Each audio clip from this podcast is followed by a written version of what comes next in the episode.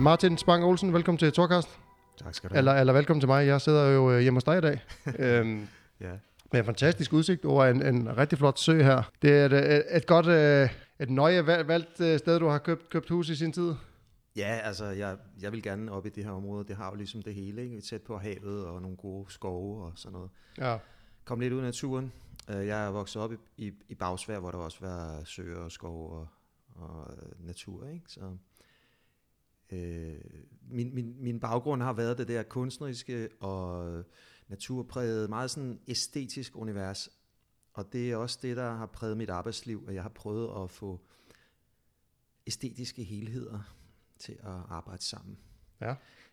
det lyder lidt abstrakt, ikke? Men folk siger også, hvordan fanden kunne du gå fra klassisk musik til stunt, øh, til martial arts og sådan noget. Hvad har det med hinanden at gøre? Men det har faktisk meget med hinanden at gøre, for det handler om æstetiske helheder. Det handler om at se verden som sådan et tæppe af samarbejde. Ikke? Vi har jo lært i skolen, at det er survival of the fittest, og, og det er bare de spidse albuer. Og det hele, det, det hele kapitalismen er bygget op omkring. Men i virkeligheden er det, er det ikke rigtigt. Altså naturen er et stort tæppe af samarbejde. Mm-hmm. Og, og i naturen er det jo øh, myceliet, altså svampelaget, der får tingene til at arbejde sammen. Det er Ja, ligesom, var, var det ikke sådan noget med, at i, i en skovbund, så er der over 80% af den jord, du går på, det er mycelium, altså svampegråbund? jo, og, og, og man kalder det det største dyr i skoven, ikke? For Ja, det går fra den ene ende af skoven til den anden. Men det går jo også videre. Det går også, når der, hvor der ikke er skov, og det er også, det er også i havet. Altså, øh, de der former for svampe er jo grundlaget for ikke bare alt liv, men også grundlaget for menneskelig kultur. Hvis vi tænker på det, er også svampene, vi fermenterer med i et eller andet Mhm. mm-hmm. omfang, ikke? Så du kunne jo ikke spise øh, chokolade, eller soja, eller drikke øl, eller spise brød, eller noget. Næsten alt, hvad vi laver, bliver til kultur på grund af en fermentering. Og øh, i overført forstand har vi også det her tæppe. Det er vores bevidsthed. Ikke? Vi, er, vi, vi er jo en stor bevidsthed, og på den måde en stor organisme som menneskehed. Og jo mere man går ind i det felt, øh, som jeg har beskæftiget mig meget med gennem årene, det mere oplever man, at vi kan ikke opretholde illusionen om individerne længere. Vi er nødt til at forstå os selv som en enhed. Og når man går ind i den enhed af menneske øh, identitet, af, fordi så bliver næsten så bliver gruppen en identitet. Mm-hmm. Så opdager man, det går jo også ind i resten af naturen. Vi, vi hænger sammen med alt levende, og vi hænger her sammen med hele universet. På den måde, hver gang jeg gokker ind i hovedet, eller generer nogen, så generer jeg mig selv. Og, og når mennesker begynder at vågne op til denne her erkendelse, så kan de jo ikke gå i krig med hinanden, så kan de ikke lave konflikter, så bryder vores konkurrencesamfund sammen, og det er på tide. Ja. ja, man kan også sige, at, at altså det, det, sådan noget som uh, Alcoholics Anonymous for eksempel, det bygger jo meget op på det her med, at du skal næsten allerede fra starten af gå i gang med at hjælpe andre, for ligesom at hjælpe dig selv. Og, og det er jo sådan et, et gennemgående tema i, i, igennem mange, altså mange kulturer, hvor, hvor det egentlig handler om, altså man kan også kalde det karma, ikke? Altså hvis du gør noget godt for hinanden, så så får man det godt med sig selv på en eller anden måde. Og, og jeg, jeg er også sådan en, der, der har tænkt en del over karma-konceptet for eksempel, og, og jeg synes, det er, at det er egentlig ret fascinerende at tænke på, at, at hvor meget det egentlig gør for en, at, at gøre noget for andre. Altså man, man har jo, nogen har jo lavet noget forskning i det, at, at øh, se for eksempel seniorer, altså folk, der er gået på pension, der melder sig ind i Røde Kors som frivillige og bliver besøgsvenner for nogen, eller, eller nogen, der sidder hos de døde øh, i- til, i hospice og sådan nogle ting. Hvor meget og jeg, jeg kan ikke lige huske, hvordan man lige måler, måler sig frem til det her, men, men de kunne i hvert fald måle på, på nogle parametre, at, at dem, der ligesom gik i gang med sådan noget her, hvor, det, hvor du ligesom giver, uden at egentlig skulle have noget tilbage, at du bliver mere lykkelig af det, øh, Ja. og du har det egentlig bedre i dig selv. Ja, det er sjovt, ikke? Altså, det er jo en anden erkendelse, der også er ved at brede sig, som jeg ser det i hvert fald, at der er en sammenhæng mellem, hvad man giver, og hvad man på den måde får, ikke? At det er jo ikke uudtømmeligt.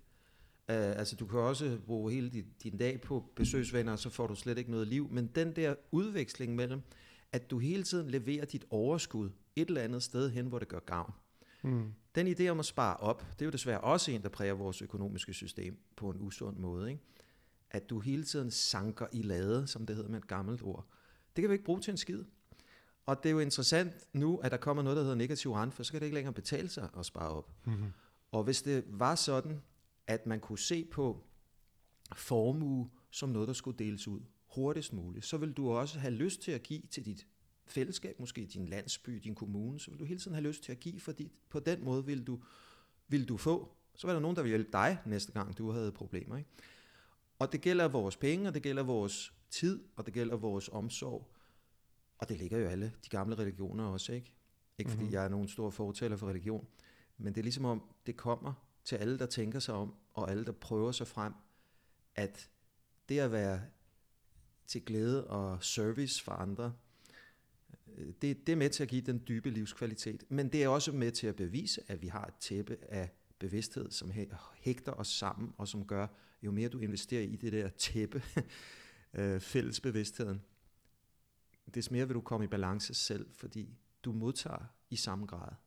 Mm. Man, man investerer i fællesskabet. Ikke? Og, og hvis vi skal klare os i den tid, vi går ind i nu, med voldsomme øh, trusler fra klimaforandringer og den der feudale struktur, der er ved at bygge sig op med superrige mennesker, der bare køber kæmpe landområder og laver deres eget nye feudalsamfund, så er vi nødt til at forstå, hvad de små fællesskaber kan, og hvordan vi kan hægte os sammen i fællesskaber.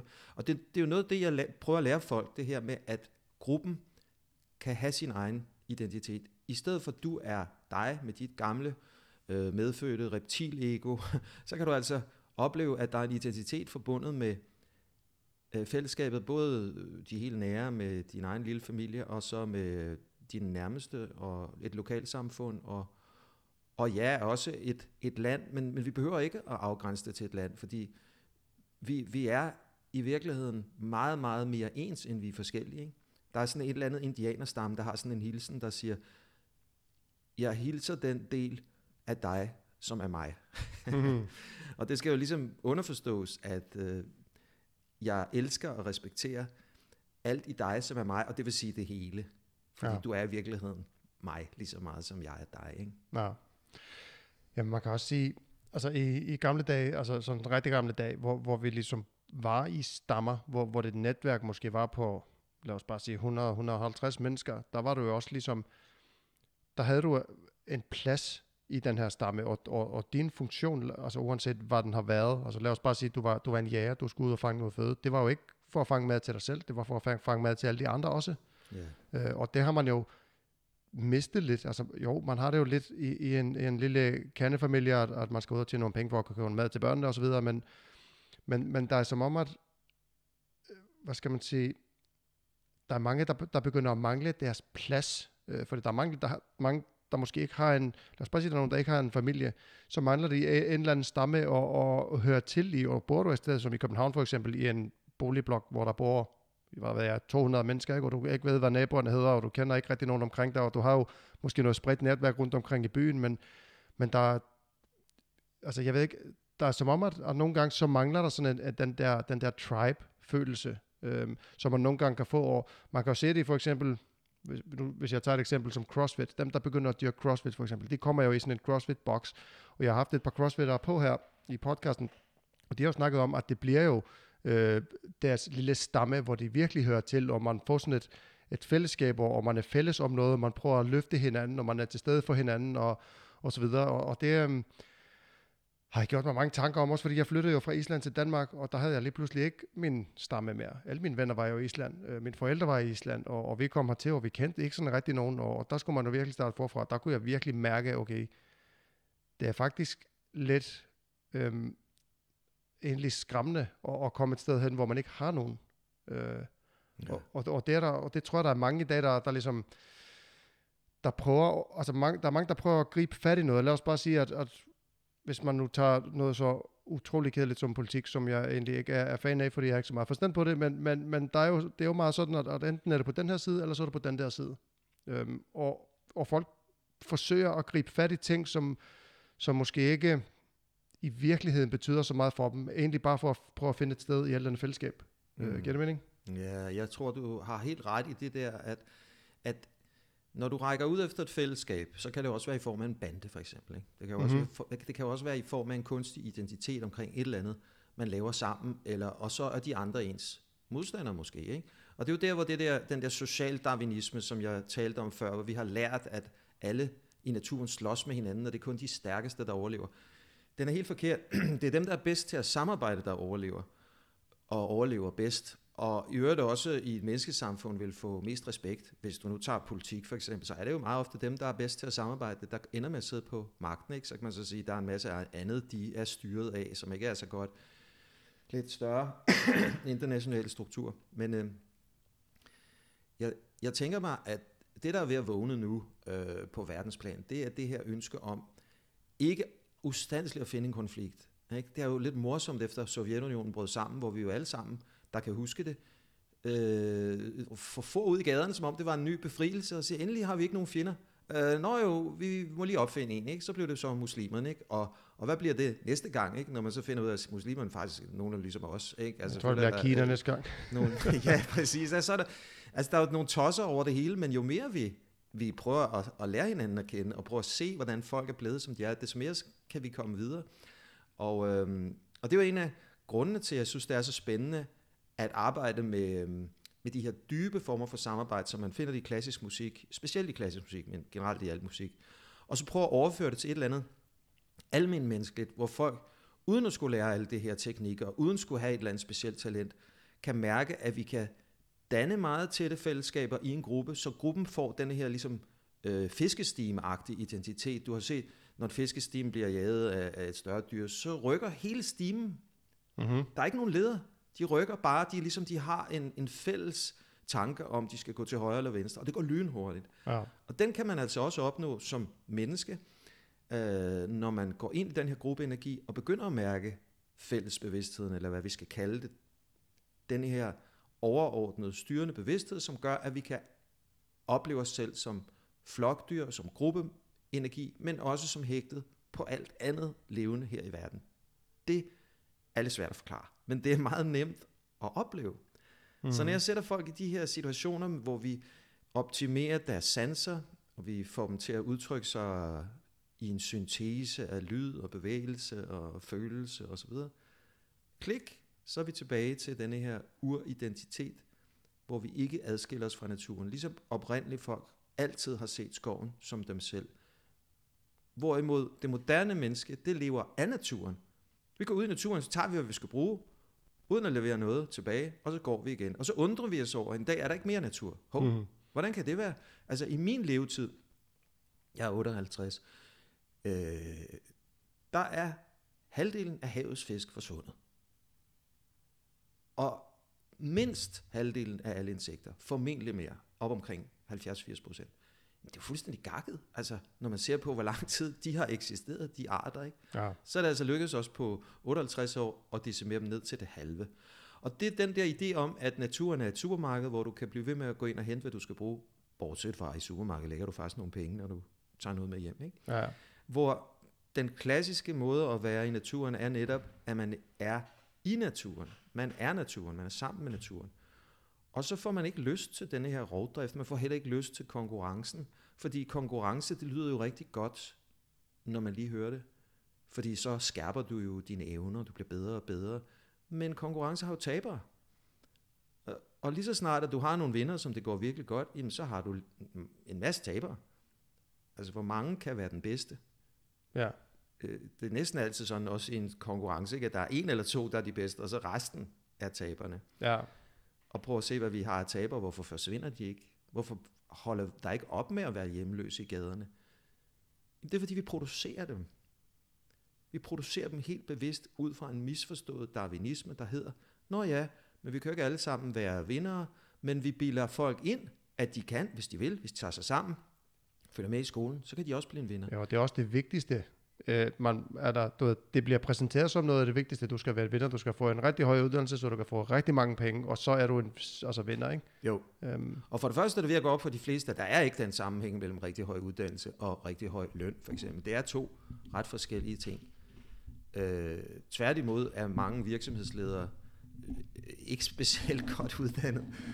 Og, og mange af dem, som er super godt uddannet, de ender jo, hvis de er meget heldige med at blive universitetslærer øh, til 400 kroner i timen, ikke? Øh, efter en uddannelse på 30 år. Og det gælder også mange af de klassiske musikere, de er jo også altså typisk 30 års uddannelse for at, at, at, at spille for 400 kroner i timen. ikke? Ja, eller under, ja, undervise børn for, for, for små penge, ikke? Jo. Ja. Jamen, det er jo det, der, der, der også, øh, jeg har tænkt meget over, fordi mange af de mest inspirerende mennesker, jeg har øh, stødt på i mit liv, det har været mennesker, der ikke har nogen høj uddannelse. Ja. Folk, der virkelig har, har og, og, og egentlig meget sådan, nu, nu når jeg begynder at sige det her højt, øh, så, så, så, så hænger det jo sammen med det, du sagde før, at det her med, at, at de har jo løftet andre øh, på et eller andet plan, øh, bare fordi, at de havde lyst til det. Mm. Øhm, og det, er- det er tit dem, man, man ligesom, eller jeg i hvert fald, bliver mest inspireret af, øh, vil jeg sige, fordi at, at det er mennesker, der, der laver, en- altså, og, og det kommer til at lyde sådan lidt, øh, øh, måske når jeg siger det her, men, men, men, men folk, der virkelig laver det ting, de laver ud fra, fra, altså fra deres hjerte, ikke også? Der, har, der virkelig har noget, nogle, nogle, hvad skal man sige, noget kærlighed bag deres handlinger, hvis man kan sige det sådan. Det lyder sådan lidt hippieagtigt, men, men det, er vel, øh, det er vel den bedste måde, jeg kan formulere det på.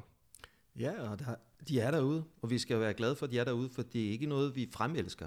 Det er ikke noget, vi lærer i skolerne, og det er ikke, det er ikke noget, der er bygget ind i vores moderne verdensbillede, at det er en god idé. Hvad fanden er kærlighed for noget? Nå, det må være noget, der sidder et eller andet sted i hovedet. Det må være en forestilling, ikke?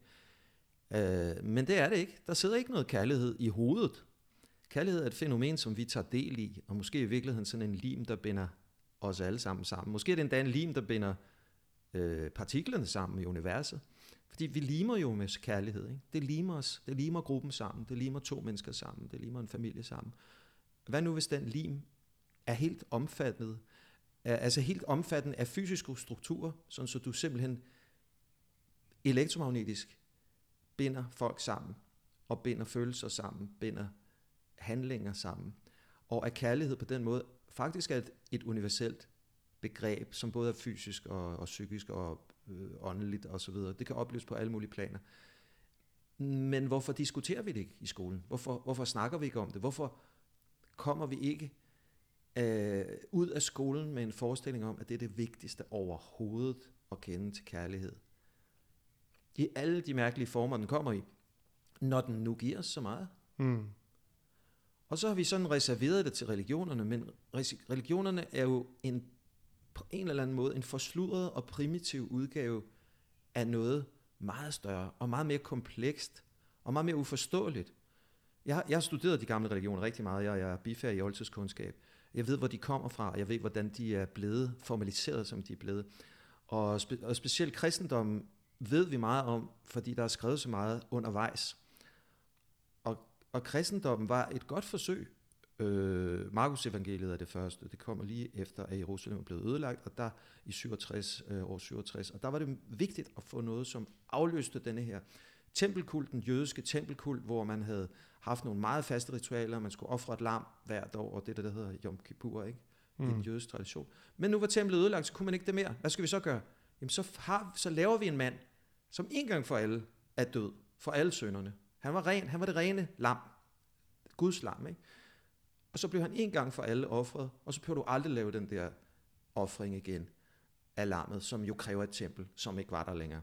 Så der, der er sådan en, en banal praktisk grund til, at kristendommen kom til at se ud, som den gjorde. De prøvede at samle alle de religioner, der var tilgængelige på det tidspunkt. De var allerede blevet samlet i Rom, fordi der var religionsfrihed fuldstændig. Du kunne tro på, hvad fanden du ville. Og Alexander den Store havde i de århundreder, der var før, øh, åbnet verden for, at du kunne at du havde adgang til religioner helt over til Indien. Så øh, der, der var masser af inspiration fra hinduisme og buddhisme osv. Det er også derfor, at man tænker, hmm, det er jo lidt interessant, at Jesus mener en hel del om Buddha og en hel del om Krista. Mm-hmm. Øh, og øh, en hel del i øvrigt om alle de der 14-15 andre øh, frelserguder, som gik ned i dødsriget og kom op igen, øh, som eksisterede på det tidspunkt.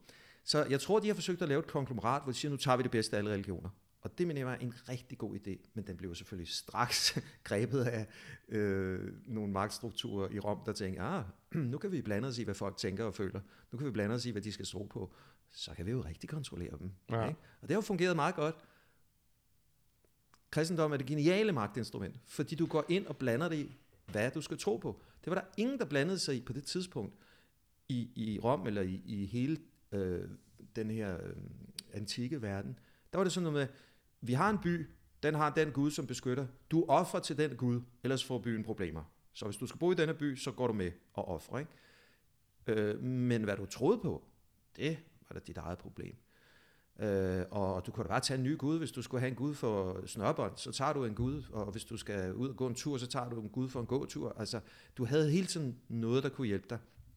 Men lige så snart at kristendommen sætter sig på al religion, fordi alle andre religioner blev forbudt i 391, så lukker man for den adgang til at gøre, hvad der lige passer dig. Og så går du gennem en præst, der går gennem en biskop, der går gennem en pave, og så har paven måske, hvis vi er heldige, adgang til Gud, og så kan han fortolke budskabet helt ned til dig. Men du skal ikke have noget forhold til Gud.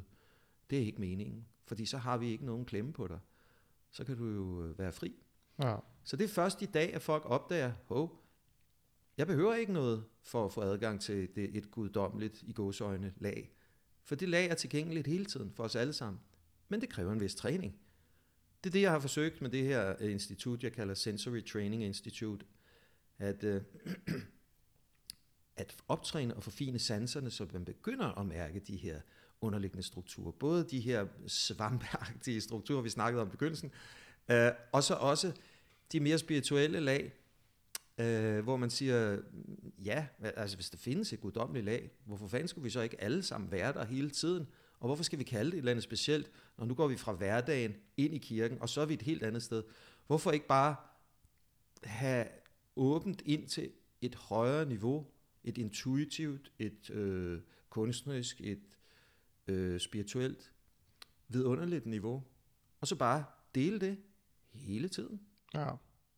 Det her Sensory øh, Training Institute, øh, hvis du sådan skulle beskrive det øh, for dem, der aldrig har hørt om det, jeg har, det er også helt nyt for mig, så jeg er faktisk meget nysgerrig på det. Øh, jeg har været inde og kigge lidt, og, og som jeg kan se, der er det øh, egentlig alle former for, for bevægelse. Der, det er en blanding af mange ting. Det er en blanding af, af dans og lidt kampkunst og, og lidt, lidt forskelligt.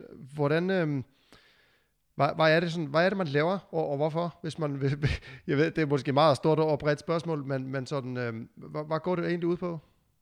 Eller hvad er formålet måske?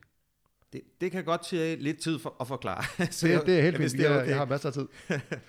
og det er også derfor, jeg har svært ved at udbrede det, fordi det er virkelig komplekst og virkelig indviklet. Men helt bag ved det hele ligger noget super simpelt, der hedder, hvad har du nogensinde oplevet, som ikke er gået gennem dine sanser?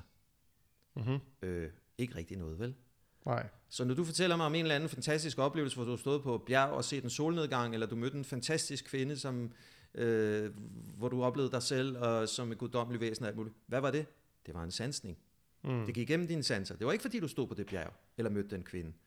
Det var fordi, dine sanser gav dig en oplevelse, som du lige så godt kunne have drømt.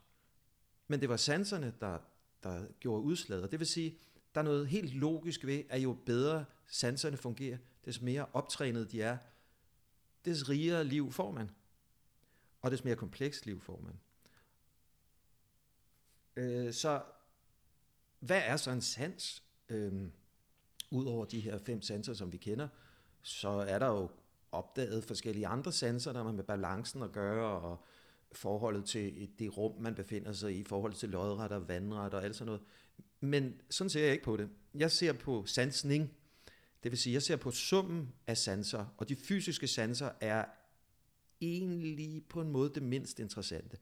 Fordi det, som de fysiske sanser gør, de, de er med til at styrke sansningen, men kun hvis vi samtidig åbner os for, at vi generelt kan sanse på et meget dybere plan, så bliver de her fem sanser, som er vores fysiske udgangspunkt, de bliver løftestang for, at vi kan gå ind og opleve en helhed af sansning. En synæstesi, som det hedder med et fint græsk ord. Det betyder, at alle sanser arbejder sammen, og man kan smage en farve, eller lugte en tone, eller øh, du kan røre ved en lyd, og sådan.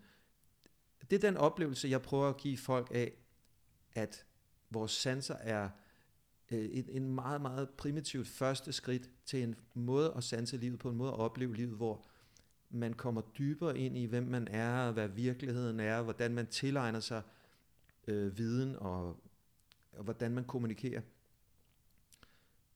Øh, så vi har jo kun den tid, vi har. Vi har kun det liv, vi har. Vi skal alle sammen dø. Øh, så jo mere intenst vi kan opleve nuet, jo mere intens vi kan opleve hinanden, øh, des mere vil det føles som om, vi lever et meget langt liv, og et meget rigt liv. Ikke? Mm. Så ud fra denne her ret primitive forestilling om, at det er nok en god idé at træne sin sanser. så har jeg brugt nogle år for at udvikle metoder til, hvordan det så kan lade sig gøre, fordi det virker jo ikke, ved du bare stirrer på et eller andet rigtig længe, så bliver du ikke bedre til at se. Der skal ligesom et andet niveau til. Og øhm, der begyndte jeg i 1998, fordi jeg havde skrevet nogle kronikker, som, øh, som handlede mest om, det var sådan en kritik af vores skolesystem, så, så var der flere, der sagde, det, det burde du nok undervise lidt i det der, så lav et system ud fra det. Og der vidste jeg ikke rigtigt, hvad jeg skulle lave, så det var meget eksperimenterende i starten, men der tænkte jeg, okay, hvad binder alle mennesker sammen gennem alle tider? Det er sang, det har vi altid gjort. Det er kamp, det har vi altid trænet. Og så er det øh, dans. Ja. Det har vi også altid gjort. Det er den nye skole, du beskriver der. Ja, Yes. det, det var meningen, at det skulle være en skoleform, men det var egentlig voksne, jeg underviste, til at kunne undervise børn. Men jeg opdagede, at der var så meget personlig udvikling i det, at det var øh, logisk at, at øh, brede det ud til at være, ja, du lærer bedre, når du har gode sanser, det er der ikke tvivl om, men øh, du får også en generel optimering af, hvem du er som person, fordi vores identitet er jo også kun noget, vi kan sanse os frem til. Vi kan ikke se det eller tage et billede af vores jeg, men du kan opleve det, du kan sanse det, du kan have awareness omkring det, ikke? Hmm. Og så vores virkelighed. Hvad er virkeligheden? Ja, vi ved jo 100% at det vi ser og, og hører og mærker og lugter, det er fortolkninger. De findes sådan set ikke. Vi er bare blevet opdraget til, at når du og jeg kigger på det her bord, så siger vi begge to bord. Ja. Men det er en kulturel fortolkning, fordi i virkeligheden er det bare nogenlunde de samme fortætninger af atomer, som er lige ovenover, hvor vi siger, her er ikke noget. Øh, der er bare luft. Der, der er ikke noget. Men i virkeligheden, der er lige så meget, som der er nede i bordet. Det er bare sammensat på en anden måde. Og så er det fortolket helt anderledes. Fordi vi har vendt os til, at hvis et eller andet barn siger, oh, der, der er et eller andet derovre, så siger vi, nej, der er ikke noget. Og, og det vi mener er, at der er ikke noget, vi har noget ord for. Men der kan sagtens være noget. Ja. Og det er højst sandsynligt, der er noget, fordi der er ikke noget sted i universet, der ikke er noget. Øh, så det er det, vi kan se med vores primitive sanseniveau, kulturelt set. Øh, det erkender vi, og det navngiver vi, og det undersøger vi på alle mulige leder kanter. Vi går helt ned på subatomart kvantemekanisk niveau og undersøger, men vi bliver ikke klogere. Fordi hvad skal vi bruge det til? Hvis du begynder at undersøge universet, gå længere og længere og længere ud, nej, der er paralleluniverser, der er sorte huller og sådan. Who cares? Hvad skal vi bruge det til? Hmm. Det er, når man begynder at sanse det, at man oplever, at man skal bruge det til. Ja. Og hvis- jeg sådan lige må skyde ind, altså for dem, der lytter, og, og, og der tænker, og nu snakker vi om usynlige ting og, og alt muligt andet, man kan, man kan jo, så noget så, så simpelt som, at man kan sige, kan du se din wifi? Altså, den er i hele dit hus hele tiden. Kan du se den? Nej, men den er der. Øh, og det samme med mikrobølger i en mikrobølgeovn, eller, eller farvespektre, altså du kan jo heller ikke se infrarød. Nej. Det kan du, hvis du bruger en bestemt form for kikkert. Den er der stadigvæk, så der, altså man ved jo med, med sikkerhed, øh, og, og at, at der er jo ting også omkring os hele tiden, som vi slet ikke kan se, og vi kan ikke sense dem. Jeg kan ikke sense den her 4G-forbindelse på min telefon. Jeg ved, den er der, fordi jeg ved, jeg kan ringe, jeg ved, jeg kan skrive en sms til dig øh, fra Roskilde og, og herover til uden problemer, eller sende en øh, messengerbesked, eller hvad det nu er, men jeg kan jo ikke se, hvordan den her besked kommer igennem luften og helt hertil. Nej, og det var så bare synssansen, ikke? Jamen, men hvor, det er hvor det. meget kan vi høre, ikke? Ja, altså, vi, vi kan jo konstatere, at der er lyd overalt. Der er intet, der ikke laver lyd. Uh, men vi hører kun en ganske lille del af de frekvenser, ikke? Ja. Ligesom vi kun kan se den der lille bitte smule, øh, som befinder sig mellem infrarød og ultraviolet. Og, og, og, og altså, det, det er latterligt, hvor meget vi ved om, hvad der er, og hvor lidt vi kan konstatere det med vores sanser. Ikke desto mindre er hele vores verdensbillede bygget op omkring sanserne. Jeg vil se det, før jeg tror det. Ikke? Ja. Men, men hvis man nu Ja, venter hvis om at ikke, det, ikke det kan måles, så er det ikke virkeligt. nej, øh, og jeg har det jo sådan, jamen, vi skal nok kunne måle alting. Mm. Det, det tror jeg. Men det bliver ikke lige nu. Vi, vi er ikke gode nok til det lige nu. Nej. Men der er utrolig meget af det, som vi alligevel synes er vigtigt, som vi kan sanse. Mm-hmm. Øh, vi kan heller ikke tage et billede af kærlighed. Vi kan ikke tage øh, et billede af nogen som helst tanker, for eksempel. Det er aldrig gjort. Vi kan ikke tage et billede af en følelse. Så øh, de ting, der betyder meget for os, det er jo nummer et, følelser. Mm. Øh, nummer to, tanker. Og vi ved ikke, hvor de sidder. Vi ved ikke, hvad det er. Vi kan kun konstatere det ved hjælp af vores sansning. Og det er derfor, jeg synes, at følelser og sanser skal trænes samtidig, fordi du kan sanse en følelse. Øh, og hvordan skulle du altså vide, hvad du føler? Jeg er vred. Hvor var du det fra? Jamen, det kan jeg da mærke. Hvordan? Ja, og hvor er den henne i kroppen? Hvordan ser den ud? Hvilken Ja. farve har den der følelse? Men du sanser den. Ja. Så sanserne kan også bruges til at skærpe, hvad du egentlig føler. Ja, og, og det er faktisk en ting, jeg også havde øh, lyst til at sn- snakke med dig om, øh, hvis vi skal lave sådan en... Ikke, det er egentlig ikke en afstikker, for den er meget relevant i forhold til, til det, vi, vi snakker om nu, men, men det her med, i forhold til børn og skolesystem og følelser og sansninger, og altså, der er jo, vi har jo i dag et, et kæmpe problem i, at, at antallet af børn helt ned til 9-10 år, der er begyndt at få medicin, fordi at de er angste eller stressede eller deprimerede, har jo eksploderet igennem de sidste 20-30 år. Og jeg har sådan gået og tænkt meget, fordi jeg har jo tre børn, øh, og jeg har også øh, en datter, der, der, der har klaget over ondt i maven, og vi har haft den til lægen og får han tjekket i hud og røv og indvendigt og udvendigt og alt muligt, og der var ikke noget galt med hans mave. Og hvad kunne det så være? Jo, vi begyndte at tænke, okay, men måske kan det være noget angst eller et eller andet. Øhm, og det her fik, fik mig så ud i en, en lang rejse og, og en lang sådan intern, øhm, hvad skal man sige, snak med mig selv.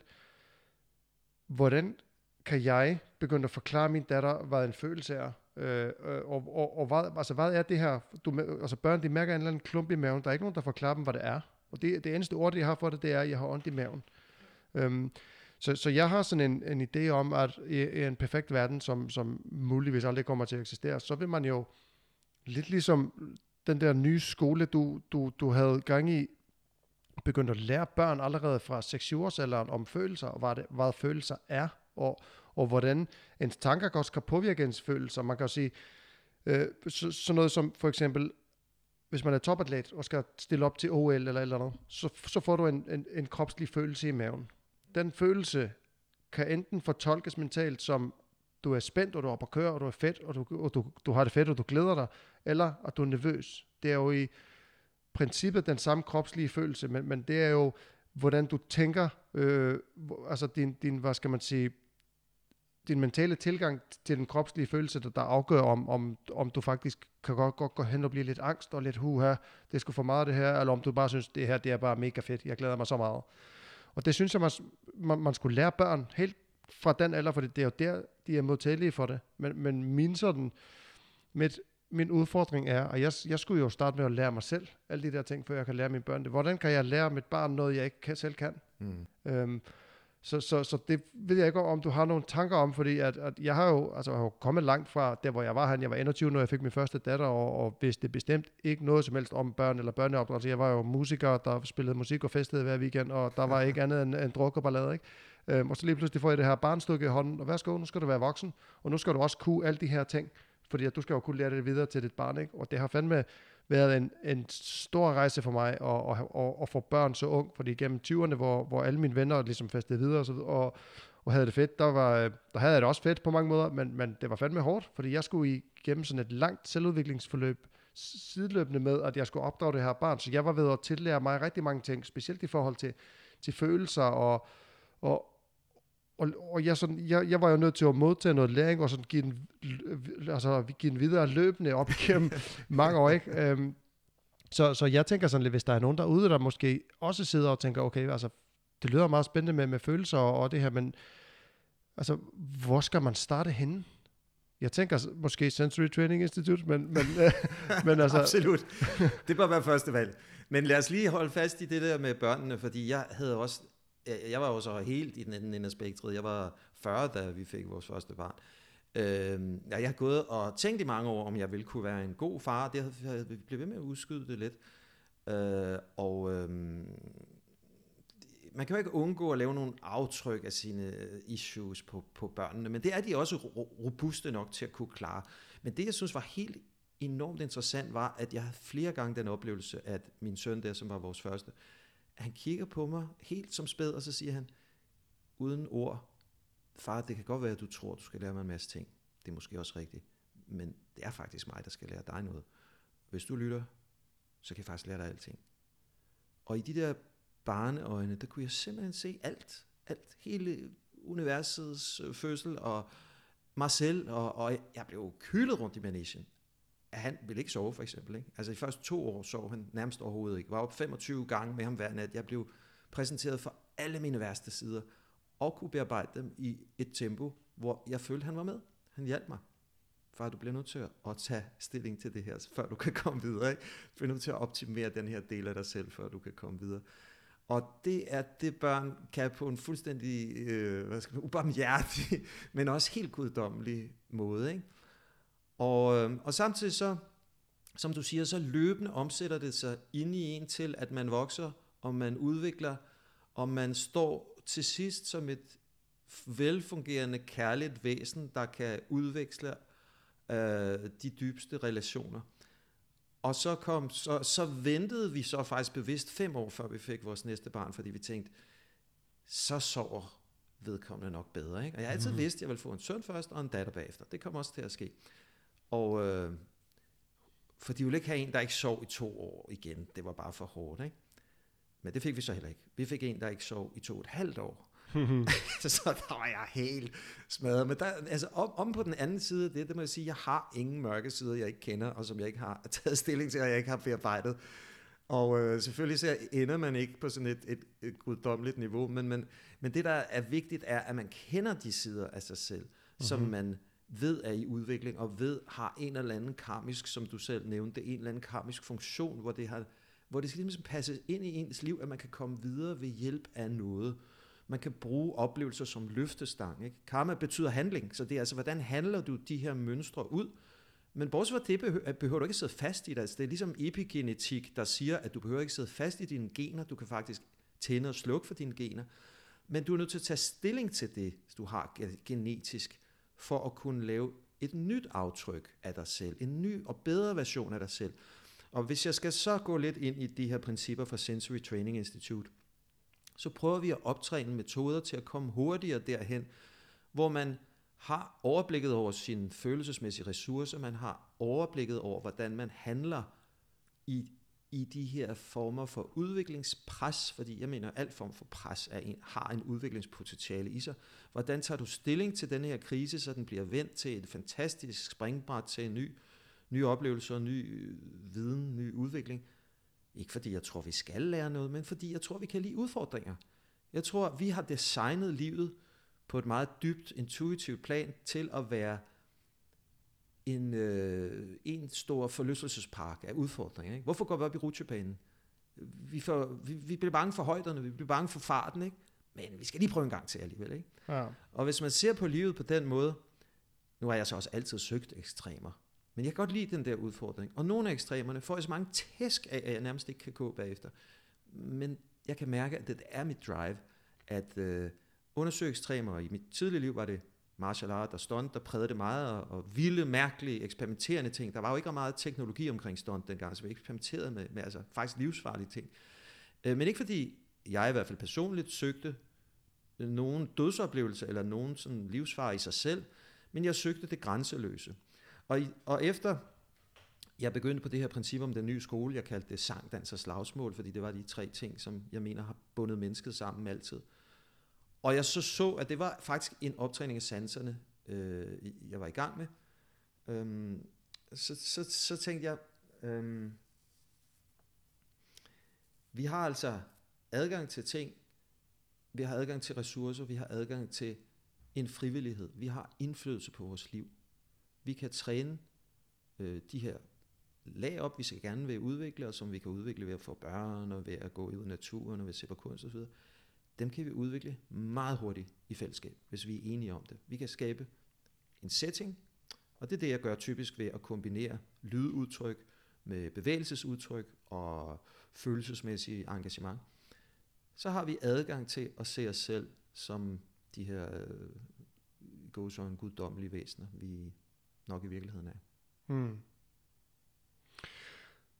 Det er et øh, fascinerende koncept. Øhm, og jeg ja, har... du kan høre, det er svært at forklare, ikke? Jo, jo, jo, jo men, men jeg, jeg håber kan... ikke, vi har hægtet for mange af med det ja, her. Men jeg, kan, jeg kan rigtig godt følge dig, fordi jeg er øh, på mange måder givet på, på samme måde. Øh, det her med at, at søge det sådan lidt mere ekstreme. Jeg har altid været... Øh, når jeg har gået ind i noget, så er jeg gået all in. Om det har været vinterbadning, eller om det har været øh, noget andet. Øh, og det samme, altså når jeg spiller trommer, det skal også være ekstrem metal, jeg spiller, og det skal være hurtigt, og jeg skal slå så hårdt jeg kan. Og du ved, det har altid været den her, øh, jeg ved ikke om, om man kan kalde det, altså det har nok været fordi, at jeg vil rigtig kunne mærke ting nu. Jeg kan egentlig godt lide ubehag, har jeg fundet ud af. Øh, når, når den er, altså selvfølgelig vil jeg jo ikke kunne lide, altså jeg kan ikke lide at tage en kniv og skære i min arm, vel? Men, men, men sådan, kontrolleret ubehag, hvor jeg virkelig presser mig selv helt til min grænse, øh, for at se, om jeg kan rykke den. Og, og det kan jo... Jeg tror, det stammer fra, at vi har det for godt i dag. Det er for behageligt, vores liv er for behageligt. Man har brug for at få nogle tæsk en gang imellem. Det er også derfor, alle dem, der træner kampsport, jeg, jeg har ikke uh, trænet super meget kampsport, men jeg prøvede lidt uh, brasiliansk jiu-jitsu på et tidspunkt.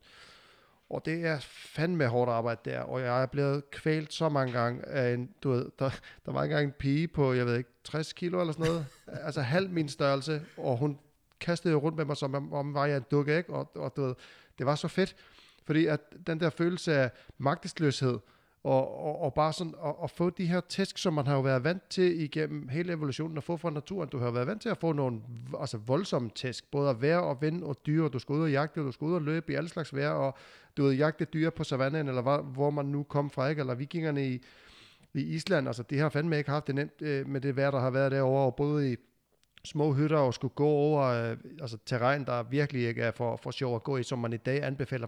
Du skal nok ikke gå derover, fordi det, det er for farligt, ikke? Det gjorde det jo hverdag.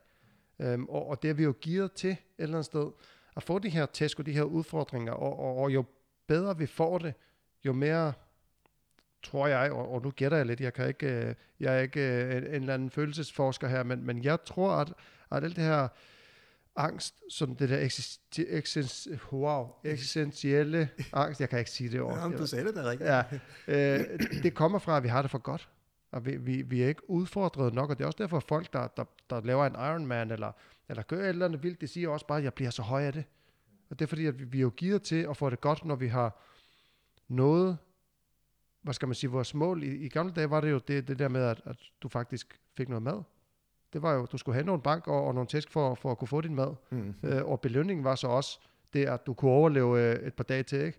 Øhm, og, og, og den har vi jo mistet lidt, og det er også derfor, jeg tænker, at at der er mange, der begynder at søge de her ekstremer, og man kan jo se, at, at rigtig mange af dem, der laver Ironman og sådan noget, det er sådan nogle kontormennesker, mm-hmm. øh, kan man sige. Det er jo ikke, det er ikke super mange håndværkere, der har et sindssygt tungt arbejde i forvejen, der går ud og laver Ironman efter arbejde, fordi man har fået de test, man skal i løbet af sin dag. Ikke? Ja.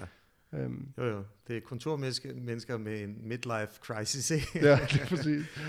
Jamen, øh, så, så er du faktisk uh, trukket uh, samtalen ind på det der interessante emne, som bliver mere og mere udbredt, som hedder hormese mm. at man ved hjælp af en lille, kontrolleret form for stress, bygger kroppen op. Ligesom når man beskærer et træ, øh, man tænker, det må jo skade træet. Nej, tværtimod, det vokser bedre.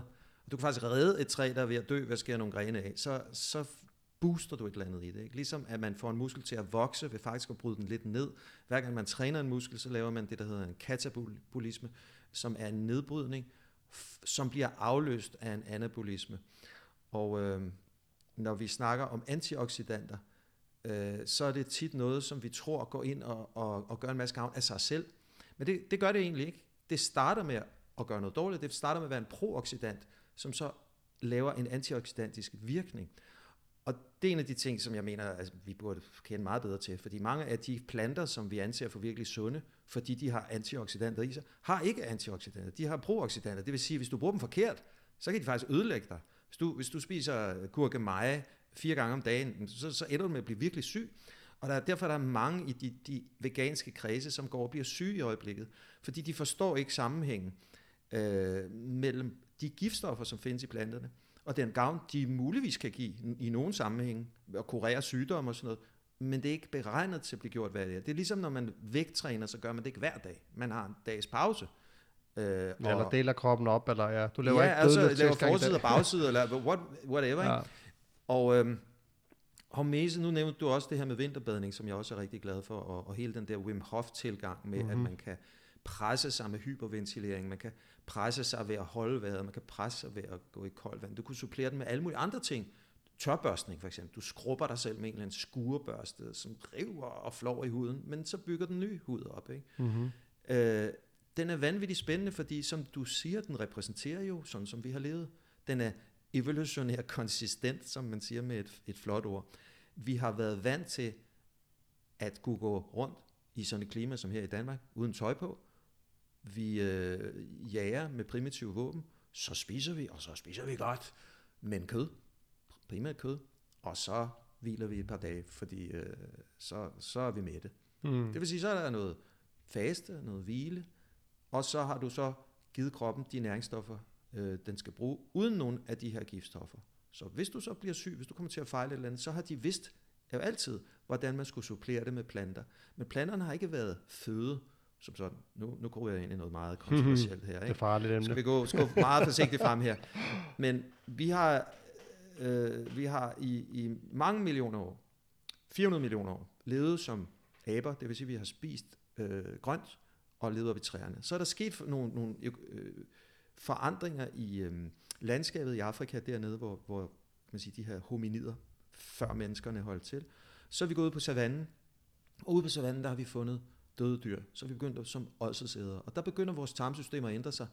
Øh, forholdet mellem tyktarm og tyndtarm ændrer sig. Vores mavesyre ændrer sig. Vores kæber og tænder ændrer sig. Vi bliver mere givet til at spise kød. Og så er der et helt bestemt skæld for 2,5 millioner år siden, hvor vi begynder at bruge våben. Og med våben kan vi, bitte små mennesker, nedlægge en mammut. Altså, otte mand kan med et, nogle spyd slå en mammut ihjel, som ingenting, for mammuten flygter ikke. Den, er, den har jo ingen naturlige fjender. Så kommer der sådan et gåseøjne unaturligt væsen som mennesker. Og så bliver hele den der megafauna sat under pres. Og derfor så har det ikke været så svært at jage i stenlandet, som man tror. For det har været meget, meget store dyr, der bevæger sig meget, meget langsomt, og der har været helt ekstremt meget næring i deres kroppe. Mm. Øh, og de bliver jo så selvfølgelig sat under pres, og der er nogle naturkatastrofer, der gør, at pludselig er der ikke den der megafauna mere. Og det er jo sådan der for 10-12.000 år siden, at det begynder at ændre sig, og så begynder denne her øh, plante del af vores kost, som hele tiden har været der, den begynder at fylde mere, og vi begynder at lave landbrug osv. Så det er de to meget store skift i menneskehedens historie. Det er fra, at vi går fra øh, at rende rundt og, og spise, hvad der nu er, til at bruge våben. 2,5 millioner, 3 millioner år siden cirka. Og det kan man altså se på menneskeknogler og sådan noget. Der er ikke en diskussion om det her. Det er ikke en, det er ikke en teori. Du kan se det på øh, sta- stabile øh, kvælstofisotoper i knoglerne, at vi har spist mere kød end ulve og hyæner på det tidspunkt. Det, det Mm. siger noget, ikke? Det næste skift kommer så ved landbrugets indførelse. Der går det klart dårligere for os. Vores lægens højde falder, vores knoglebygning bliver svagere. Der, der, der er en hel masse ting, der bliver sværere, men det er fordi, vi ikke længere har adgang til megafaunaen. Så kan vi godt stadigvæk jage, men det er mere besværligt. Dyrene løber væk, som ja. de ikke gjorde før. Og så her, hvor vi så i dag kommer det nye skift, hvor der hedder, nu genopdager vi vores fortid, vi genopdager hormesen, øh, som er det her fænomen af, som du siger, hvis vi har det for godt, så bliver kroppen sløv, og så holder den op med at fungere. Det er også en del af sensorisk træning, som jeg kalder det, eller sansetræning. Det vi laver på Sensory Training Institute, har det bygget ind i sig, at hvis ikke du på en eller anden måde skrubber lidt, og det kan være i dine følelser og sanser, og det kan være i din krop, men hvis ikke du gør det, så vil du glide igennem øh, livet, ligesom vi er... Øh, vi har jo også den der lyst til bare at spise sukker og ligge og flade ud på en sofa. Ikke? Mm-hmm. Og det var okay i stenalderen, for du kunne ikke gøre det ret længe. Og hvis du fandt noget honning, så spiste du det. Det var fint nok. Så meget honning var der ikke.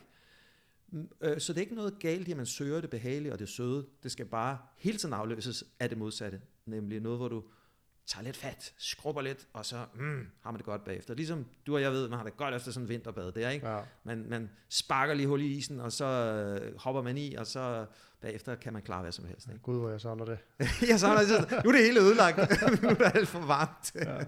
Men det er jo sådan en, en, en altså hvis man tænker på det der yin-yang-symbol, ikke? Øh, som, ja. Som er blevet, kan jo bruges i mange sammenhæng, men, men det handler jo om balance, ikke? Og det er det, du i princippet forklarer her. Ja. I gamle dage, for millioner år siden, der skulle man jo på jagt i to-tre dage, hvor du ligesom, vores bedste våben dengang, det var, altså dyrene kunne løbe meget hurtigere, end vi kunne, men vi kunne løbe længere, så vi kunne løbe dem ned, tog bare to-tre dage, ikke? Ja. Bagefter så får du noget at spise, og så hviler du, og så virkelig flader du og, og restituerer. Og det er jo, så yin-yang, det er jo bala- balance, det er jo noget rigtig, rigtig hårdt, efterfulgt af noget rigtig, rigtig nemt og behageligt. Ja. Øhm, det er lidt ligesom, hvis man går i, hvis man, hvis man, hvis man er sådan en, der, der også bruger sauna efter vinterbadning, som jeg ikke er, jeg er rigtig vinterbader, så er det sagt. Øh, Også jeg. altså, så går man jo i, du går i det kolde vand, for så går over i noget varmt og behageligt, ikke? Øhm, som også kan blive ubehageligt, hvis man, hvis man presser sig nok. Man kan også fandme også presse sig en sauna, vil jeg sige. Hvis man går i sådan en, en IBI for eksempel. Øh, Ja, ja, og det har jo også været kendt i millioner af år, at Ja. ja. de kunne lave svedehytter, og så kunne de få et eller andet ud af det. Ikke? Og de der trommedanse, som man har haft i alle oprindelige kulturer, hvor du danser i to dage for at komme i kontakt med ånderne, det har den samme virkning, at du kommer ud over en kant, du kommer ud over den behagelige kant, men du kommer jo også ud over din normale sansning. mm, Når du, når du øh, trommer, og du er selv trommeslager, og det bliver bare ved og ved og ved og ved, og du slapper af og læner dig ind i det, så skifter du en lille smule bevidsthedstilstand. Ikke? Flow state, kan man kalde man det vel, øh, måske? Det, det er et, et, et navn, øh, et moderne og fancy ord. og det er svært at lave et rigtigt navn for det, der dækker det hele. Ikke? Mm-hmm. Men vi kan i hvert fald konstatere, at vi går ind i en lidt anden bevidsthedstilstand. Ja. Og så er folk sådan helt, wow, wow, det kan vi også gøre med ayahuasca og LSD og alt muligt, wow, wow. Ja, men for ikke så lang tid siden, der gjorde folk det hele tiden og mange gange om dagen. Når du skulle bage et brød, så sang du brødsangen, og så stod du og ældede, og så var du faktisk en lille smule andet sted, ikke? Så skulle feje gulvet, så sang vi fejesangen, og så var vi et lille smule andet sted.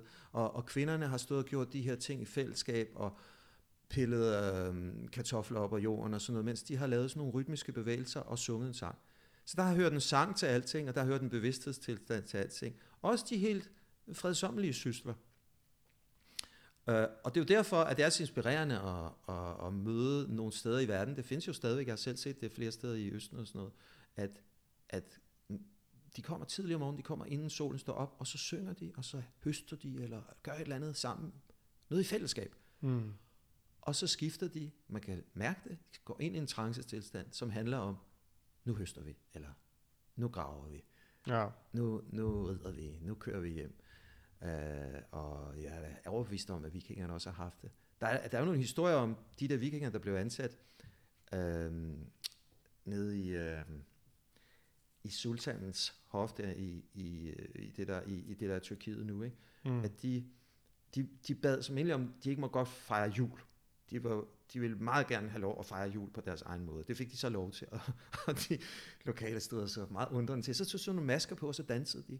Sådan nogle vilde danse. Mm. Øh, så det har, det har betydet meget for, selv for vikingerne har det betydet meget med de her ritualer og dansene, og så de her skift, der sker i vores bevidsthed, når vi går ind i sådan en fællesskabsfølelse. Der er også i, øh, hørte jeg i en, en anden podcast engang, der var, der var der en, der, der havde øh, ligesom studeret sådan nogle stammer øh, inden for, fra junglen af, og det har jo sådan nogle, det man i sådan, jeg ved ikke, en sådan en heksedoktor, er der nogen, der Mm. kalder det, jeg ved ikke helt, hvad man skal kalde en. Shaman måske? Ja, en shaman, ja, lige præcis. Det var ordet, jeg manglede. Og, og der, der fortæller det også, at hvis der, hvis der er en, der kommer til shamanen og, og, og, og har nogle problemer, er måske også ked af det, eller du ved, det man her vil kalde en de- depression eller angst eller, eller noget, der får det to spørgsmål. Det er, hvornår stoppede du med at danse, og hvornår stoppede du med at synge? Wow. Det er de første to øh, ting, der bliver spurgt om. Nej, hvor er det smukt. Det er Ja. jo totalt vand på min mølle. Ja, men jeg tænker, det giver så god mening. Jeg kom lige i tanke om det. Mange år siden, jeg hørte det her, men, men øh, det, nu bliver jeg ligesom lige mindet om det, og, og det er jo tankevækkende øh, et eller andet sted, at, at, at, at det er det, man ligesom ser som, som det, der mangler, hvis Ja. ja. du har nogle, nogle øh, det vi her vil kalde psykiske lidelser, øh, ubalancer, kunne det vel være. Jamen prøv at tænke på, hvad vi har tilbage, altså øh, kulturelt set, af det Ja. i dag i Danmark. Vi har faktisk kun én ting, og det er juleaften. Der ja. Ja. synger vi, vi danser, vi tager hinanden i hånden. Hvorfor fylder det så meget i os? Danskerne er jo ikke sådan super kristne omkring julen, men de fleste holder jul på den måde, at de mødes med familien, tager dem i hånden og går rundt om juletræet og synger nogle sange. Men Det kan godt være, at man kun kan huske tre, de tre første verser af højt fra træets grønne top, men ikke desto mindre, så er det noget, som vi holder fast i. Ja. Og de fleste kan ikke forklare hvorfor. Men der synger vi, og vi danser, og vi føler noget samtidig. Vi har en eller anden form for spirituel ritual knyttet til det. Det glemte jeg faktisk at sige før, at ja, sang, dans og slagsmål har fyldt hos mennesker altid, men forbundet med et ritual, forbundet med noget, som de har anset for et spirituelt ritual, for at hjælpe den her bevidsthedsforandring, den her øh, tranceform på, på vej, så har de så sagt, okay, det her betyder meget, det er en bestemt Gud, som hjælper os nu, han kommer ind i os, og så er vi guden et øjeblik. Når vi gør det på Sensory Training Institute, så er vi jo ikke religiøse, men vi anerkender, at du skal gøre plads for, at det guddommelige kan gøre, komme ind i dig. Det vil sige, at du skal fjerne noget andet. Det var det, man i det gamle Grækenland kaldte ekstase. Det er derfra ordet ekstase kommer. Det kommer fra Dionysos-kulten. Når man skulle fejre Dionysos, så skulle Dionysos ind i dig. Og det vil sige, at du skulle gøre plads til noget. Først, du skal stille dig selv udenfor. Ekstasis betyder, at du stiller dig uden for dig selv. Mm. så, er der, så er der god plads til Guden. Når Guden kommer ind, så hedder det entusiasme, ek enthusiasmos, hed det oprindeligt på græsk. Det betyder direkte, guden går ind i dig. Okay, det vidste jeg ikke. Øh, Nej, men det er alligevel lidt det samme, der sker juleaften. Ikke? Vi lægger ligesom hverdagen væk, så åbner vi os for, at de her sange kan gøre noget for os. Og det vi øh, gør, det er jo, at vi går ind i en kristen tradition og siger, så er det Jesus, der kommer ind i os, uanset om vi tror på det eller ej, så har vi en eller anden god oplevelse af det. Jeg, Mhm. jeg elsker juleaften. Og jeg, og jeg kan jo, som jeg fortæller det, jeg ser jo kristendommen helt anderledes. Jeg ser den som ren symbol. Der er ikke nogen rigtig Jesus. Der har ikke eksisteret en person, der hed Jesus. Det kan slet ikke løftes videnskabeligt bevis for. Tværtimod ser det ud, som om han er en komposit af alle mulige andre religiøse figurer. Ikke desto mindre, jeg elsker det, og jeg vil slås for, at mine børn får lært den her form for juleaften, hvor man virkelig mærker dybden og kærligheden osv. Fordi det er det, der er tilbage kulturelt set, er noget, som altid har været der i alle kulturer. Øh, vores evne til at opleve hinanden og kærligheden ved at skifte til en, en anden tranceform, en anden bevidsthedstilstand, Ja. baseret på sang og dans. Ja. Jeg vil så sige, at, at altså, når, når, du, når jeg lytter til dig fortælle det her, der får jeg sådan en, en jeg kan næsten mærke, øh, jeg kan næsten sense øh, øh, den, her, den her følelse af at stå for eksempel til en koncert. Øh, jeg har jo gået til ekstremt mange koncerter i mit liv. Jeg har jo gået rigtig meget op i musik hele tiden. Jeg var meget ung øh, og, og lytter til musik stadigvæk timevis om dagen. Jeg har altid gang i et eller andet musik. Øh, og, og, og har været, jeg ved ikke, jeg tror, jeg har været 18 gange på Roskilde Festival, 9 gange på Copenhagen, og jeg har været på Wacken i Tyskland, og Grasspop i Belgien, og alle mulige steder, og også festivaler i Island, og, og rigtig meget i sådan undergrunden i Island, og både- spillet meget i den der underground sådan metal scene, og været til, jeg, jeg var til min første, det jeg egentlig sådan tænker, mens jeg sådan går og snakker, for nogle gange så begynder jeg at snakke sådan uden egentlig at have sådan et, et, et, et, en endepunkt, men, men, men jeg ved, at øh, jeg ved, hvor jeg, ved, hvor jeg skal hen. Altså, jeg, jeg kan huske min, en af mine første koncerter, jeg var til sådan rigtigt, det var, når jeg opdagede, der var sådan et lille bitte lokalsted, noget, der måske svarer til Gimle i Roskilde, men det var bare lidt mindre format, så det var kun sådan nogle lokale bands, øh, og i Island er alle bands jo lokale, for det er et lille bitte land, ikke? Eller det er et stort land, men der er ikke så mange mennesker. Og der var der sådan, sådan nogle hardcore bands, og sådan lidt, ja, hardcore skråstrej metal bands, der spillede, og jeg var 12 år, tror jeg vist nok.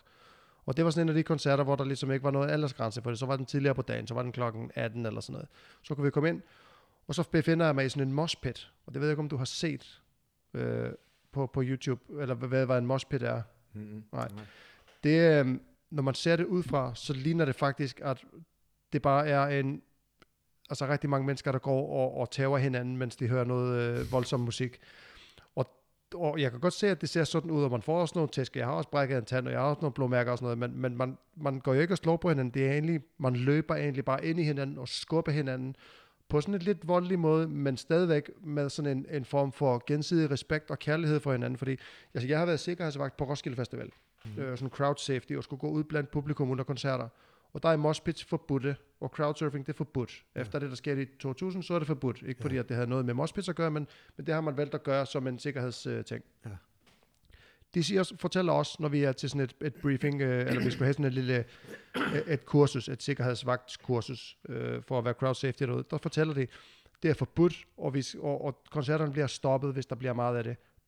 Men undtagelsen er, når der er metalkoncerter, så får de bare lov, fordi de er så gode til at passe på hinanden. Vi ved ikke, hvordan det foregår, men der er aldrig nogen, der kommer til skade. Er nogen, der falder, så bliver det hævet op af de andre, og, og folk passer bare på hinanden. Så selvom det ser vildt ud, så skal jeg ikke blande jer i det. Bare lad dem gøre, som de plejer.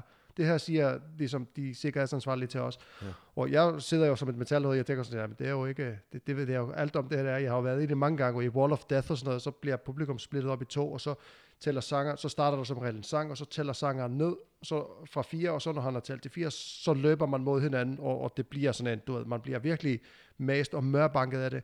Men det er, det, altså, det fik mig bare betænkt på det, når, når du snakker om det her med, med juletræet, fordi det er fuldstændig det samme, man oplever der. Jeg tænker ikke, når jeg er i sådan en moshpit der. Jeg er der bare, og jeg stoler på, at altså, jeg løber ind i nogen, og de løber ind i mig, og jeg kan godt, jeg har, jeg har faldet mange gange og skrabet knæ og sådan noget, og, og, og, jeg har faldet i sådan en wall of death, hvor der var ligesom, var der føltes som om 30 mennesker oven på mig, og jeg kunne godt mærke, hvis jeg bliver liggende her i to minutter, så er jeg død. Der gik ikke 10 sekunder, så var der ligesom arme, der tog fat i mig, og jeg var på banen igen, uden at skulle have gjort noget selv. Wow. Øhm, så, så der opstår sådan et eller andet fælles energifelt, og, og det handler jo om, om musik, og det er jo en, en, en meget primitiv dans, den her, den her, øh, det her moshing, fordi du svinger jo med arm og bane og hovedet frem og tilbage, og jeg har altså, du, ved, jeg er overrasket over, hvorfor jeg ikke har haft flere andre rystelser, end jeg har, men, øh, men jeg tror, der er meget, du har meget ret i det der, med, med det der med, at, at, at den der sang og, og dans, når den hører sammen, og så sammen med andre mennesker, der sker altså bare noget, og, og, og du ved, der opstår sådan et eller andet energifelt, kunne man vel godt kalde det, eller en symbiose af en slags, hvor, hvor man ligesom, hvor man bare er, fordi som jeg siger, jeg tænker jo ikke, når jeg er sådan en der, jeg er der bare, sammen med alle de andre, ligesom, ligesom fiskene i, i havet, ikke? Ja, ja, ja. Øh, man, man bevæger sig sammen på en eller anden måde, og, og så lige pludselig, så, så er der gået en time, og koncerten er overstået, og man tænker bare, jeg har ondt alle steder, fuck hvor er det fedt det der. Ja, men jeg, jeg må indrømme, at jeg, jeg selv blev meget positivt overrasket, da jeg begyndte at gå ind i, i metalmusik i det, i det hele taget, fordi jeg har været lidt bange for, jeg, da jeg var yngre, jeg tænkte, oh nej, det, det er sådan noget rocker noget, og det er voldeligt, og det er satanistisk, og det er alt muligt. Men så blev jeg sådan først overrasket over, hvor godt folk spillede. Det var jo fuldstændig virtuos. Det kunne være konservatoriefolk. Jeg blev faktisk lidt åbnet med den der band, der hedder Dream Theater, ja, som jo er virkelig uh, virtuose. Så, så blev jeg sådan åbnet og tænkte, okay, det er alle sammen konservatoriefolk, og de spiller fuldstændig vildt polyrytmisk, og altså ting, som jeg tænker, det kender sgu ingen, der kan det der. Ikke mindst inden for, for tromspillet. Uh, og så tænker jeg, det der andre ting, der knytter sig til med vikingritualer og symboler og ritualer i det hele taget, jamen det er, sgu da, det er jo hele den maskuline verden. Det er alt det, der har været glemt og presset ud af kulturlivet på alle andre områder, som nu får lov til at blive udviklet og rendyrket og faktisk også mildnet. Øh, og derfor glæder det mig at fortælle om det der, altså at man kan, man kan dyrke en voldsom maskulin energi, uden at nogen behøver at blive tævet og øh, slået ihjel eller noget andet, ikke? Fordi du har også set øh, heavy metal brugt af det amerikanske militær til at opildne folk i kamp og sådan noget der. Det kan også bruges negativt, ikke? Men, men jeg kan jo se, hvordan det bliver brugt. De fleste gange, så bliver det brugt faktisk til at sætte den her maskuline energi i spil, sådan så vi får mere glæde af de, øh, de der ressourcer, der ligger i alle de mænd, der går rundt i dag og ikke bruger deres kræfter til noget. Det er jo sørgeligt, ikke? Altså, Mhm. det er jo, vi kører jo et helt samfund nu fra vuggestue til de største virksomheder, kører vi mere og mere uden om øh, maskulin energi. Der sidder masser af magtemænd derude, men de bruger jo ikke deres krop og deres kræfter og deres sådan virkelig maskulin kraft til noget som helst. Og hvis de endelig gør det, så er det i en eller anden psykopatisk, manipulerende version, som, som virkelig er ubehagelig. Øh, så det var da også en af mine intentioner, da jeg først begyndte at udvikle sansetræning. Det var at sige, at vi bliver nødt til at have den maskuline energi i spil. Det er en ressource, vi skal bruge til at redde verden og til at redde os selv. Og den ligger jo også i det hormetiske, når du øh, springer i det kolde vand, og når du løber rigtig langt, og du ligesom simulerer et stenalderliv, øh, bjergbestigning og alt det her, ikke? Mm. Mm. maraton og sådan noget. Det er jo folk, der forsøger at finde ind til deres maskuline kvaliteter, for at kunne trække det ind i samfundet. Når du så først har gjort de her ting, så har du jo en anden, så hviler du på en anden måde i din testosteron. Du hviler i, at du er stærk, og du er handlekraftig, og du kan beskytte familien, hvis det skulle være. Du kan slås, du kan, du kan gøre alle de ting, som mænd har været gode til, men som der ikke er brug for i dag. Og, og det der med at gå i krig er jo ikke en maskulin ting. En hvem, hvem som helst kan holde en maskingevær. Ikke? Det kræver ikke en... Bare tryk på en knap i Bare princippet. og, og nogle gange sidder du der engang. Der sidder du ved en computerskærm og sender en drone afsted og sådan noget. Der er ikke noget, der er ikke noget mand tilbage i det, og, og det er jo godt på mange måder. Altså, hvor mange mænd er, er ikke døde øh, for en eller anden ligegyldig krig, øh, fordi de er blevet hugget i, i, i knæet, og så er de haltet hjem og forblødt. Det, der, er jo, der er jo sorg og bitterhed og skræk forbundet med at være mand igennem tusindvis af år.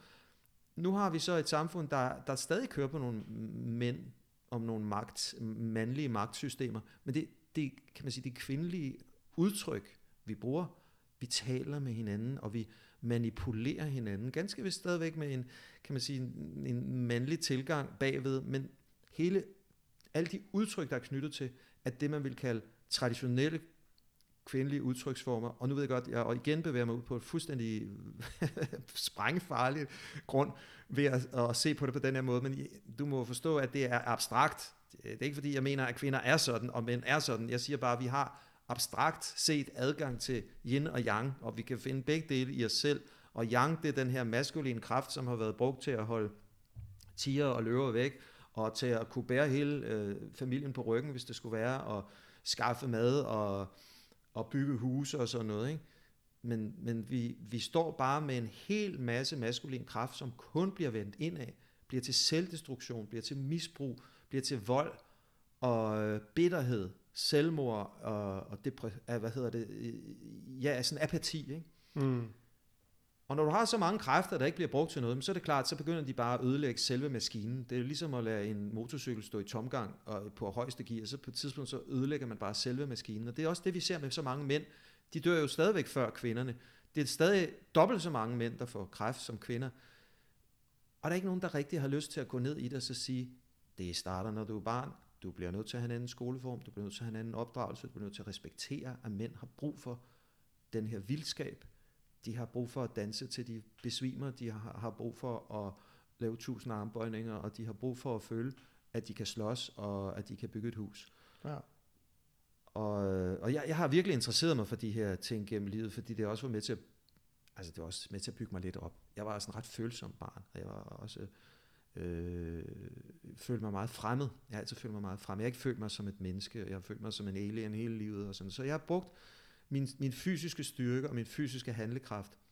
Jeg ved, hvis nogen skubber mig ud af et vindue, så kan jeg i luften dreje og lande nogenlunde rigtigt. Hvis jeg bliver kørt over, kan jeg komme nogenlunde øh, sikker hen over bilen og ned på den anden side. Hvis jeg bliver overfaldet, kan jeg klare mig i et slagsmål. Jeg, jeg kan øh, bygge en terrasse, jeg kan tegne mit eget hus og lave min egen have osv. Øh, noget af det er bare forfængelighed. Det er bare at bygge mig selv op. Det er ego. Men noget andet er en urkraft inde i mig, der siger, at det her det er sandt. Det er noget, min familie kan mærke det. De, det giver dem tryghed, og det giver mig selv en ro. Hvis, hvis alt andet ramler, jamen så kan jeg klare mig, og jeg kan hjælpe min familie. Og øh, hvis man vil dyrke det her sang og dans lidt bløde, så bliver man også nødt til at dyrke det lidt mere kraftfuldt. Hvad fanden vil du egentlig gøre, hvis du står midt i kraftig energi? Hvis du står midt i en storm, hvis du står midt i en tsunami, hvad vil du gøre? Har du mhm. evnerne til det? Har du musklerne til det? Har, kan din krop kan din krop reagere? En ting er, at du kan gå i fitness og, og, og se pæn ud og have store muskler, men kan du handle, når den vilde energi går i gang? Ja. Og det mener jeg er en maskulin dyd, som vi skal bygge op som mænd. Det er vores ansvar, det er vores pligt. Og hvor skal vi lære det? Fordi der er ingen sted, vi kan gå hen. Nej, der er jo, øh, øh, hvad skal man sige, du har, du har fat i noget ret vigtigt der faktisk, fordi at, at jeg mener, at, at hvis, hvis, hvis alle mænd bliver skubbet ud i at blive feminine, det er jo der, at de begynder at blive, hvad skal man sige, forkerte et eller andet sted. Um, og man kan jo se det på, at, at jeg ved ikke, om, kender du Thomas Fris? Han har, der, han har en hjemmeside, der hedder mandegruppen Mandegruppen.dk. Ja, det tror jeg. Ja, han laver i hvert fald sådan nogle mandegrupper, og der er utrolig mange mænd, der, der, der søger de der øh, mandegrupper. Og fælles for rigtig mange, der er, de, at de, har, de føler, at de har mistet deres maskulinitet, fordi at de er blevet, og som, som de forklarer, og, og jeg er sådan ikke super klog lige på, på alle de her øh, teorier, de har om, omkring det, eller der er omkring det, men, men, men øh, jeg har fået det forklaret sådan, at, at, at det er jo blevet sådan, at det er jo kvinder, der opdrager mænd. Øh, fordi det er jo kvinder, der er primært arbejder i børnehaver, er pædagoger og er lærere osv. Og, mm. og så, så, så mændene har manglet, øh, eller drengene har manglet det der med at, at blive opdraget af en mand, der faktisk tager dem ud og, og jage, eller, eller hvad man nu kan finde på at lave. Ikke? Øhm, og, og, og med årene, så, så bliver man jo et eller andet sted blødere og blødere, hvor man når til et punkt, som, hvor du siger, at man, man mangler virkelig at få udtryk for den der maskulinitet, og det er jo der, at for eksempel, og nu gætter jeg selvfølgelig lidt, det er bare sådan en spekulation, men jeg kunne godt gætte mig frem til, at det er der, at mænd begynder at blive sådan lidt voldelige over for deres hustru, eller manipulerende på, på, på sådan nogle dårlige måder, fordi at de har ikke noget outlet for, for den her maskulinitet ind i dem, der er ikke nogen, der har lært dem, hvad det er. Ja. Så, så, så, så det kommer til udtryk i nogle dårlige handlinger, fordi at du ikke aner, hvad det er for, noget, for, for en energi, du har med at gøre. Øhm, og, og, og som du rigtig spørger, altså, hvor skal man lære det hen? Jeg mener personligt, at man, vi mangler sådan nogle øh, overgangsritualer, sådan nogle rites of passage, sådan nogle, du ved, de der gutter, der er 13-14 år, når de begynder at, og, og vil være seje og, og vise sig frem, og, og, og hvor lige pludselig bander for eksempel bliver spændende, fordi det er sådan noget hypermaskulint noget. Øh, og hvis ikke man har noget maskulint, en positiv maskulinitet eller maskulin figur i sit liv at se op til, så er det det, det du ser op til, fordi du tænker, det der, de er fandme seje. Ja. De er store, og de er stærke, og de er, hør, du er rigtig mandlige. Ikke? Og der mangler for de der drenge nogen, der de som tager dem ude i ørkenen, eller ude i skoven, og, og, du, og nu tager jeg et ekstremt eksempel med sådan noget som Sundance, øh, eller hvad det nu hedder, den der, det der ritual, hvor du ligesom, du tager kroge igennem din hud, og så skal du gå og slæbe sådan et stort kranje efter dig i, i to døgn eller sådan noget, og så når du er helt udmattet, så skal du kaste dig frem, så krogen bliver revet, ikke? så er du mand. Ja. Det er et ekstremt eksempel, men vi mangler noget i den retning, der ligesom fortæller, her, du skal igennem det her, og kommer du igennem det her, eller ikke kommer du, men når du kommer igennem det her, så er du en mand. Ja. Og det har vi alle sammen med igennem, og der har du allerede det her fællesskab. Dig og mig, vi har fandme også, altså du er jo ældre end mig, ikke? Vi vil have været så, altså, det, det samme igennem, øh, og det vil jo give os på, på et eller andet plan sådan et, et bond, øh, mm. og vide, at, at okay, altså jeg har faktisk, vi har begge to været igennem det her, øh, så, så ved man jo også, at det, det skal helst være noget ret ekstremt. At det skal være noget, der er virkelig hårdt at komme igennem, hvor du sådan er tæt på ikke at kunne komme igennem, for det ved man jo også, jeg kan fandme klare hvad som helst, hvis jeg kunne klare det der. Ja, ja. Jamen, jeg er helt enig, og, og det har faktisk også været en del af, af mit øh, teorigrundlag, at vi, vi må respektere de her overgangsritualer, som øh, vi jo kun har også igen i en fuldstændig afsindig, afbladet udgave i dåb og konfirmation og bryllup. Ikke? Det er jo de tre ting, man fejrer. Man bliver født, man fejrer, man bliver voksen, og man fejrer, at man bliver gift og får børn. Øhm, så fejrer man selvfølgelig også, når man dør. Ikke? Det er jo heller ikke noget, vi fejrer i dag. Men hvis ikke vi kan være glade over, at vi dør, så kan vi heller ikke være glade over, at vi får børn, fordi øh, så vil der bare blive for mange af os. Vi bliver nødt til at og, og positive ritualer, der er knyttet til de overgange, der er i vores liv. Og hvis vi snakker om det der, du, du taler om, som jo er, kan man sige, konfirmationen, ikke? det første øh, overgangsritual, hvor vi er bevidste, hvis man tager hvis man fratrækker fødslen. Ikke? Øhm, så vidste man jo også, at når du gik op i bjergene med mandegruppen, der var jo nogle, nogle voksne med, ikke? Mm-hmm. Du gik op i vandegruppen, om du så fastede, eller du blev øh, udsat for alt muligt mærkeligt, du blev skide bange for, eller blev fysisk udmattet af, så vidste man, at når du kom ned igen, hvis du kom ned igen, så var du en mand. Og der var måske kun gået en uge, men forskellen, du gik som barn, og du kom hjem som mand. Ikke? Ja. Og så blev du respekteret som mand. Fra dag af kunne du bygge en tipi, eller Øh, lave din egen familie, og du kunne gå ud og jage på linje med de andre. I dag bliver vi jo ikke voksne. Altså voksne mænd i dag er jo stadig klynkende, flæbende, øh, uselvstændige mennesker, der ikke er i stand til at tage beslutninger, ikke er i stand til at stå fast på noget, ikke er i stand til at tage vare på deres egen krop, og de synes jo stadig, rigtig mange mænd synes jo stadigvæk, at det mest mandlige, de kan lave, det er at sidde i undertrøje og se fodbold sammen med vennerne. Ikke at spille fodbold, men at se fodbold. altså, hvor stupidt kan det være? Ja, og, og så skal man råbe og skrige og brække sig, og så, og så ryster kvinderne på hovedet og siger, ja, puh, ja, ja, det, skal vi, det, det må vi lade dem gøre, ellers så, ellers så har de jo ikke deres mandlige fællesskaber. Hvor er det sørgeligt, ikke? Hvor er det ynkeligt. Ja. men det, det er selvfølgelig ikke noget, man kan bebrejde den enkelte mand det er fordi vi kulturelt set, som du også selv er inde på, har fjernet den overgang til, at du er mand, nu ved du, hvad du kan, og du ved, at hvis du overlevede det her overgangsritual, så kan du faktisk mange ting. Og også fordi der er bygget noget spirituelt ind i det, så får du også en dybere forhold til livet, og en dybere forhold til dig selv, og dit ansvar. Det, som man glemmer i dag, er, at mandlige dyder involverer ansvar for gruppen. Det mm. er en mands ansvar at passe på gruppen, den store gruppe. Det er kvindens ansvar at passe på den lille gruppe. Fordi mænd, mænd kan jo ikke finde ud af at, at, at arme, og de kan ikke finde ud af at føde, og der er sådan en hel masse ting omkring de små strukturer, som mænd traditionelt ikke kan finde ud af. De, de kan ikke passe en have. Altså, mm. der er bare alt for meget. Alt for meget, der kræver sådan den der nære opmærksomhed, og det lange, seje træk, du putter et frø i jorden, og du kigger efter det, det spiger, du vander det osv. Men mænd kan godt lære det, men de bliver, de bliver ikke lige så gode, vel? Nu snakker vi igen symbolsk maskulin energi. Vi snakker ikke om den enkelte, fordi selvfølgelig kan den enkelte lære hvad som helst. En kvinde kan også blive brandmand, altså at blive en skidegod brandmand. Men, men vi snakker om, hvad der ligger naturligt for folk, og så snakker vi om, hvad vi har pligt til.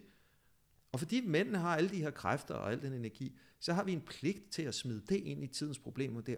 Vi har pligt til at investere i klimaforandringerne og i øh, oprettelsen af nye lokale samfund. Og bruge vores maskulin energi til det. Ikke bare vores, vores intelligens, men gå ud og vise, hvad kan vi som mænd. Og så kan kvinderne måske igen få respekt for os, for de har jo med rette øh, mistet noget af respekten gennem årene. Ikke? I tusindvis af år er kvinder blevet tævet og misbrugt og voldtaget og undertrykt, og de har ikke ligestilling endnu. Men det er fordi, de kun har set den dårlige side af den maskuline energi. De har jo ikke set det, som jeg tror, vi kan udvikle nu som mænd. En fuld forståelse af, hvad der er af feminine kvaliteter i os selv, sammen med klassiske mandlige dyder, mm. som ansvar, beslutsomhed, styrke, indre ro, øh, målrettethed. Altså en hel masse ting, som man kunne sige, ja, du, det kan kvinder også, ja, men vi ligger mere naturligt for det. Ja. Øh, nu, der er nok ikke flere kvindelige lyttere tilbage på den her udsendelse. Der er heller ikke flere vegetarer.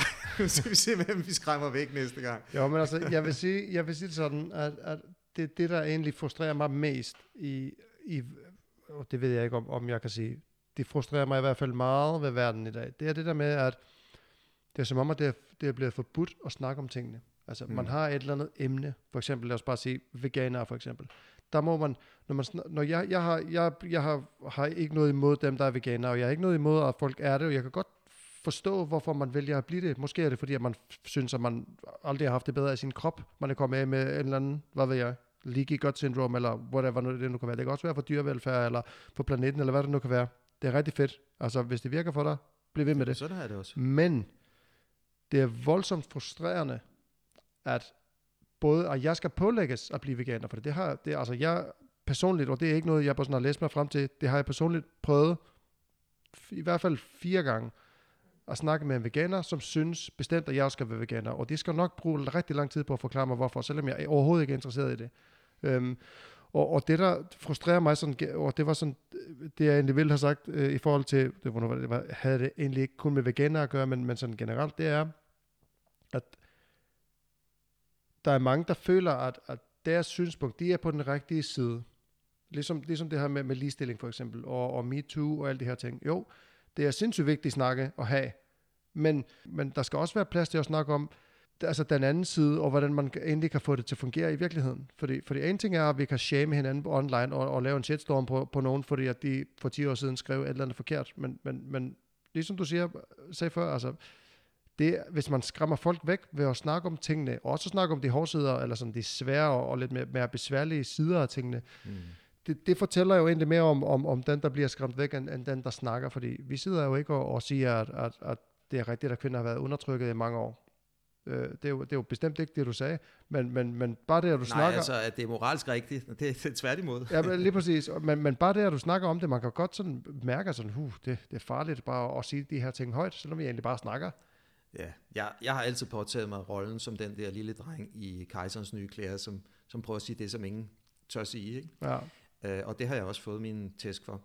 Men nu har jeg så gennem årene sat mig rigtig godt ind i det, også teoretisk, så jeg kan, jeg kan tage uh, diskussionen videnskabeligt med hvem som helst, om de ting, jeg, jeg står for nu.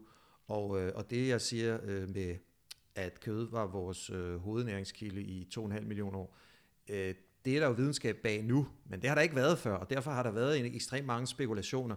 Vi har også haft rigtig mange spekulationer om kønsidentitet gennem øh, historien. Det skal også gå mange hundrede år tilbage, men, men nu har vi bare så meget erfaring om det, vi kan sige sådan lidt mere præcist, og vi kan, vi kan måske også, hvis vi altså overhovedet er interesseret i en dialog, så kan vi faktisk godt øh, få noget enighed på plads omkring, hvordan det måske er fra naturen, og hvordan det burde være. Fordi en ting er at sige for eksempel, øh, kødproduktion skader planeten. Ja, det er rigtigt i sin nuværende form, men det behøver det slet ikke at gøre. Tværtimod, hvis køerne går frit, så gavner de faktisk naturen og har et negativt CO2-aftryk.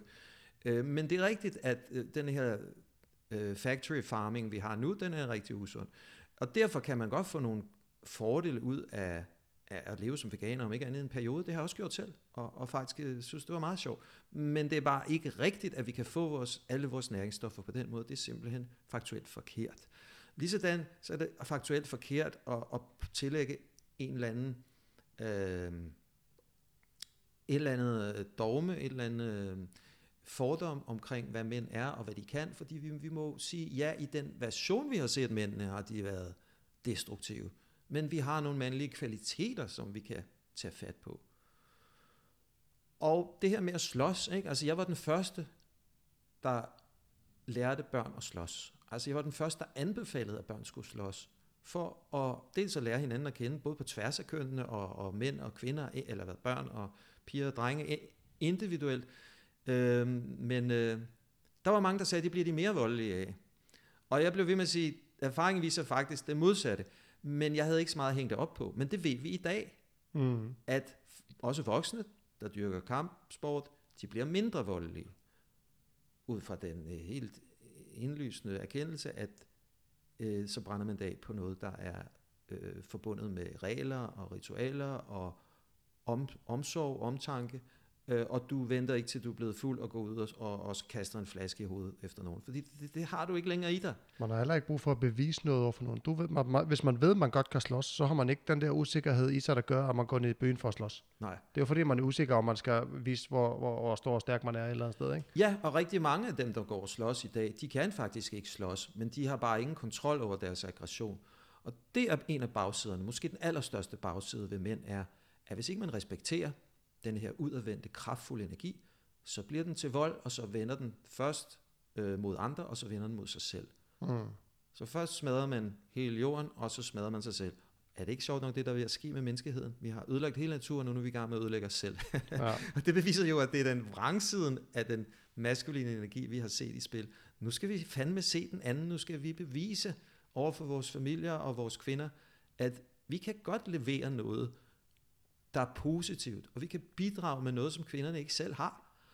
Uh, og det ville jeg synes var så ærgerligt, hvis vi har smadret alting og ødelagt os selv, inden vi har vist, at den her ressource er stor, og den er stærk, og den er meget kærlig.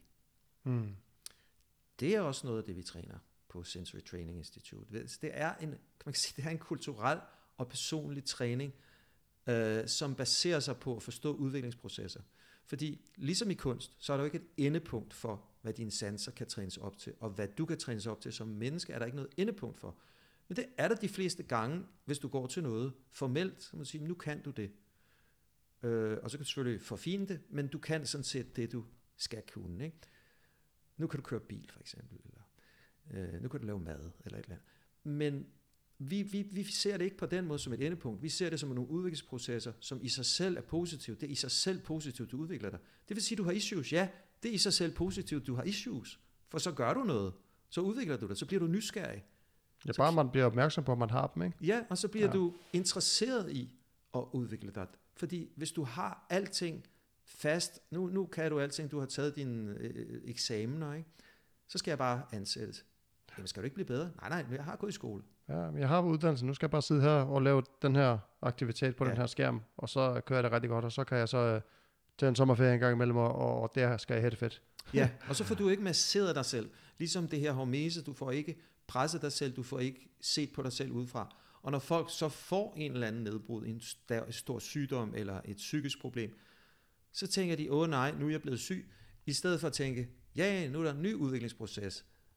Nu, nu kan jeg komme videre, nu kan jeg løfte mig til næste niveau. Og så sjovt nok forsvinder sygdommen, eller, det, eller også forsvinder den ikke, men man kommer i hvert fald videre på en måde, man ikke ville have givet ellers. Ja, men det er sjovt, at der, der tit skal sådan en, en, en større krise til, at man ligesom begynder at tænke over, hvad, man egentlig har lyst til at lave. Og om man faktisk får udlevet nogle af de drømme, man muligvis går med, eller som man har sådan begravet under tanke om status på arbejdet og uddannelse og penge og alt muligt andet, ikke? Det, det, det, det, det er først, og, man og tidsfordriv, ikke? Ja. Ja. Så, så, så rigtig mange børn, i, og, og det er jo det skræmmende, at det starter, når de er meget små, de sidder fast i underholdning og tidsfordriv, og kommer ikke dertil, hvor de tænker, hvad skal jeg tegne, hvad skal jeg lave i dag, og hvordan er det at klatre op i det træ. Jeg kan jo ikke drive mine børn op i et træ. Altså det har jeg aldrig kunnet. Det er, simpelthen, hvorfor skal vi klatre i et træ? Jamen fordi det er der, fordi det er spændende, fordi det er sjovt. Ikke? Øh, Så det er sådan en helt ny måde, man skal starte på. Før kunne du ikke holde børnene inde. De ville ud og lege. Ikke? I dag Ja. skal du sparke dem ud, for, fordi de vil hellere sidde inde ja. på de bedste sommerdage. Så den der dogenskab, som kommer af at have det for godt i gåseøjne, som du også snakkede om i starten, øh, den, den, den må vi øh, forstå, at den er ødelæggende for øh, vores evne til at udvikle os, og så skal det hele genopdages. For eksempel af mig øh, i, i det der Sensory Training Institute. På en eller anden måde er det komisk, altså fordi det er sådan noget basalt, jeg viser folk. Øh, nogle helt grundlæggende, almenmenneskelige, universelle strukturer, som alle kan finde selv. Og derfor er der også rigtig mange, der siger, når de begynder at træne med mig, at de siger, at det er ligesom at komme hjem. Ja, du kommer hjem til dig selv, fordi du, du laver det, vi altid har gjort, inden vi begyndte at, at gå ind i det moderne, øh, globaliserede liv, ikke? og ja. få alting serveret, og hele tiden kunne trykke på en knap, hvis der var noget, vi ville have. Hmm. Ja, det er vildt nok. Det er en vild udvikling. Jeg vil øh, lige så småt begynde at runde. Vi har jo rundet halvanden time. Hold da op. Ja, tiden flyver, når man har, når man har det sjovt, plejer jeg at sige. Øhm, er der andet, du sådan tænker, du, du gerne vil have med ud til folk, noget du, øh, noget du har gang i, som, som, som du synes, folk lige skal vide noget om, inden vi, inden vi runder af? Ja. Eller skal folk bare se og let røven og komme til sensory øh, træning? Det er klart, det er øh, kravet for at høre resten af udsendelsen, at man går ind og tilmelder sig efterårskurset mm-hmm. på Sensory Training Institute. Ja, nej, men jeg har også lavet en anden organisation, som måske er meget sjov, vi lige runder. Øh, det er en NGO, øh, så det er altså ikke et kommersielt projekt, men det er en meget gammel tanke, jeg har haft om at øh, beplante verdens ørkner og med start i Sahara. Og jeg har lavet et institut sammen med en kollega, der hedder Nikolaj Rotbøl, hvor vi, øh, øh, vi kalder det What If Institute, så man kan finde det på whatifinstitute.org. Øh, vi, vi befinder os jo i en verden nu, der er meget svært at lave om. Og der er mange unge, der gerne vil gøre en forskel, men de er ligesom, giver op for forhånd, for de siger, det, det kan jo ikke lade sig gøre. Når politikere og alle mulige indflydelsesrige ikke kan lave det om, hvordan skulle vi så kunne? Og så siger vi ligesom, det er rigtigt, men hvad nu hvis vi kunne? Hvordan vil vi så gøre? Hvordan vil det se ud? Hvad vil vi gøre som nummer et, og hvad vil vi gøre som nummer to? Og der har vi det her beplantningsprojekt som vores hjertebarn. Det ligger ligesom inde i det hele. Hvis vi kunne beplante Sahara, så kunne vi suge så meget CO2 ud af atmosfæren, at vi nærmest ikke behøvede at skære ned på udledningerne. Vi kunne sikre fødevareforsyning for hele den tredje verden. Vi kunne stanse immigration. Vi kunne stanse social uro, og vi kunne stanse den der forfærdelige øh, ødelæggelse af Mellemøsten, som har stået på siden 9-11 med øh, militære interventioner. Øh, der vil simpelthen ikke blive nogen grund til at genere Afrika mere. Øh, og Afrika har jo alting. Du kan høste fire gange om året, det har alle ressourcer, det har alting. Og det er derfor, at det har været så vigtigt for Vesten at sætte sig på Afrika. Mm. Men hvis man kunne ligesom sige, nu koster denne her migration så mange penge for Vesten, og vi er så bange for, at det skal ødelægge vores velfærdssystemer. Hvad så med at gøre det helt indlysende og gå ned i Afrika og hjælpe dem til at blive selvforsynende, hjælpe dem til at, at få et livsgrundlag, og hjælpe dem med deres sygdomme og deres øh, vand og der, alle de der ting. Og det kan man gøre med et hug ved at beplante. Men det skal gøres på den rigtige måde, øh, med saltvandskølede drivhuse og forskellige sådan etapper. Og så kan det måske brede sig til de andre ørkener også. Ørkenerne fylder faktisk en tredjedel af al landjord. Ørkener, som der ikke kan bo nogen i. At der bor selvfølgelig sådan lidt skorpioner og hmm. slanger og sådan der. Og nogle af ørkenerne er naturlige, men Sahara har skiftet mellem at være grøn og være gold gennem årene, så det er ikke sådan, at vi ødelægger noget naturligt ved at beplante det. Øh, og så vil jeg også sige, at det haster jo så meget med de klimaforandringer, at øh, der skal trækkes CO2 ud af atmosfæren, hvis ja. vi skal øh, undgå den der øh, temperaturstigning på over halvanden grad, hvilket i sig selv er lidt for meget. Øh, så jeg kan bare mærke, at, jeg kan slet ikke, at det er alt for stort. Ikke? Jeg kan slet ikke løfte det. Altså, hvordan skulle jeg kunne gå ud? Og, men, men fordi det har trængt sig på i så mange år, så kunne jeg ikke lade være med, at vi lavede den her organisation. Og jeg skriver også en bog om det i øjeblikket. Fordi en ting er, at man kan træne folk op personligt, som jeg gør med sensory training. Men jeg har altid interesseret mig for, for storpolitik, og jeg kan også se, at det kommer ikke til at gå hurtigt nok, hvis jeg skal træne hver enkelt, hver enkelt borger op til at mærke sig selv. Der bliver nødt til at foregå noget som udtryk for det her fællesskab, så udtryk for, for fællesbevidstheden. Og, og det mærkelige er, at siden jeg begyndte at arbejde med det, så er der vildt mange andre, der også arbejder med det. Ikke lige præcis på den måde, men den her idé med at trække CO2 ud af atmosfæren, den her idé om at gøre noget i fællesskab på global plan, der involverer naturen, det er blevet mainstream. Da jeg snakkede om det første gang, det var faktisk et, en koncept, jeg udviklede med min far, da jeg var i begyndelsen af 20'erne, der fandtes jo den teknologi jo slet ikke. Øh, men der var der heller ikke noget, af klimaforandringer. Altså, det var der faktisk, men det var ingen, der vidste det. Nej, det er ikke noget, man havde fokus på. Nej, så der tænkte vi bare på fødevareforsyning. Ikke? Der tænkte vi bare, at øh, Afrika sulter. Der var mange problemer med sult dengang. Der er faktisk færre problemer nu. Så det var hovedfokus. Men der er der så mange andre ting, som, som vi kan løse på den måde. Og jeg tror, der er mange, der savner et koncept, som løser det hele. Det her, det er et koncept, der løser det hele. Ja. Så, så, så nu du spurgte mig, så vil jeg sige, okay, det må I da gerne gå ind og tjekke. Uh, what if? Det er NGO. Ja, Det... Hvor, hvor finder man det? ja, man kan finde det på whatifinstitute.org. Okay, yes. og måske også på mit navn. Men det er specielt den, den del, den fane, der hedder Reverse the Continents, hvor jeg prøver at forklare, hvordan man kan bytte rundt på kontinenterne, sådan så Norden bliver til naturparker, og Syden bliver til fødevareproduktion. Så der på en måde bliver byttet lidt om på øh, funktionerne. På den måde får Afrika jo også meget mere magt, og det er jo det, Vesten ikke er specielt interesseret i. Men det bliver vi nødt til, fordi ellers så går vi alle sammen ned. Ja. Igen Øh, tilbage til samarbejde, ikke? Ja, det er jo det, ikke? Og så udover det, så, så, ja, så har jeg malet meget de seneste år, og du kan se hele, hele det stue, vi sidder i. Ja, der er der malet det der. Mine malerier, ja. Og udstiller en gang imellem, og det vil jeg jo gerne øh, også sende lidt opmærksomhed efter, sådan så at, øh, at jeg bliver ved med at kunne øh, lave udstilling i Danmark og få nogle folk til at komme, men øh, jeg, jeg håber, jeg kan komme lidt til udlandet også nu her. Det ser virkelig flot ud, vil jeg sige. Det er Ja, ikke bare fordi, at jeg sidder overfor dig. Så til dem, der lytter, der, der kigger vi på øh, tre malerier. To meget store og en øh, lidt mindre i midten. Det er sådan noget naturlandskab, øh, nogle søer, og der, du har faktisk altså, skyer på himlen, og så refleksionerne i søen, og altså, det er virkelig flot. Ja, men Hold det er faktisk de der refleksioner i søen, altså spejlinger af træer i, i vand. Øh, jeg synes er vanvittigt interessant, fordi når man ser en spejling, så ser man jo en kopi af noget, som er lige ovenover. Men du ser jo også lidt af søen, det vil sige åkander og blade, der ligger på søen, og du ser også lidt ned i søen, og ser, Mhm. hvad der er på bunden af søen. Så der er pludselig sådan tre niveauer, der viser os, hvad vand egentlig kan. Fordi hvad farve har vand? Det har ikke nogen farve. Mhm. Men, det, men det tager alt muligt andet med ind og kommunikerer til os. Og når man tænker på, at vi er de der 70% vand, eller hvor meget det er, ikke? Ja. Øh, vi, vi, vi har heller ikke udnyttet ressourcerne i vand endnu. Vi har slet ikke forstået, hvad vand er og hvad vand kan. Øh, så, så jeg øh, har haft en periode på et par år, hvor jeg var meget fascineret af, af vand og at male vand, beskrive vand. Og så, som du nok også ved, at øh, i, i martial arts, der er det jo også vand, der er idealet meget ofte. Ikke? Mm. Man ligesom kommer udenom alle forhindringer på en blød og behagelig måde, men samtidig kan man slam lave en tsunami, hvis det skal være. Ja. Og, øhm, øh, ja, men altså, som jeg sagde i starten, kunst er jo min baggrund. Jeg er også uddannet i musik og, og mange andre kunstarter. Men øh, Ja, hvis man læser din Wikipedia, der er utrolig mange ting at tage fat i. ja, ja, jeg har faktisk 28 professioner, øh, som jeg sådan skiftende tjener penge på. Ikke? Men, Mm. Og det har også været meget forvirrende. Men nu prøver jeg de senere år at samle det lidt omkring øh, musik og maleri og undervisning, og så ikke så meget mere. Ja. Og det, kan jeg, det har jeg allerede brudt, men øh, jeg håber, jeg kan gøre det mere og mere, for ellers så bliver jeg sgu for forvirret. Jamen, der er også, det er svært at have så mange bolde i luften. Ikke? Jeg har også, jeg har samme problem. Jeg bliver ved med at kaste alle mulige bolde ud, fordi jeg synes bare, der er så mange spændende ting. Der er så mange ting, jeg gerne vil prøve at gøre og, og opleve, og, og, og projekter, jeg gerne vil sætte i gang. Og, men, men, men ja, det, nogle gange så skal man skære ned til, til et par ting. Øh, Ja, fordi bare, man, bare fordi man kan gøre noget, behøver man jo ikke at gøre det, vel? Altså det er jo ligesom også, hvad du kan, hvad du kan lave af, af ekstremsport, og hvad du kan lave af rejser og sådan noget. Det, og, og, og, hvor mange mennesker du kan besøge rundt omkring i verden.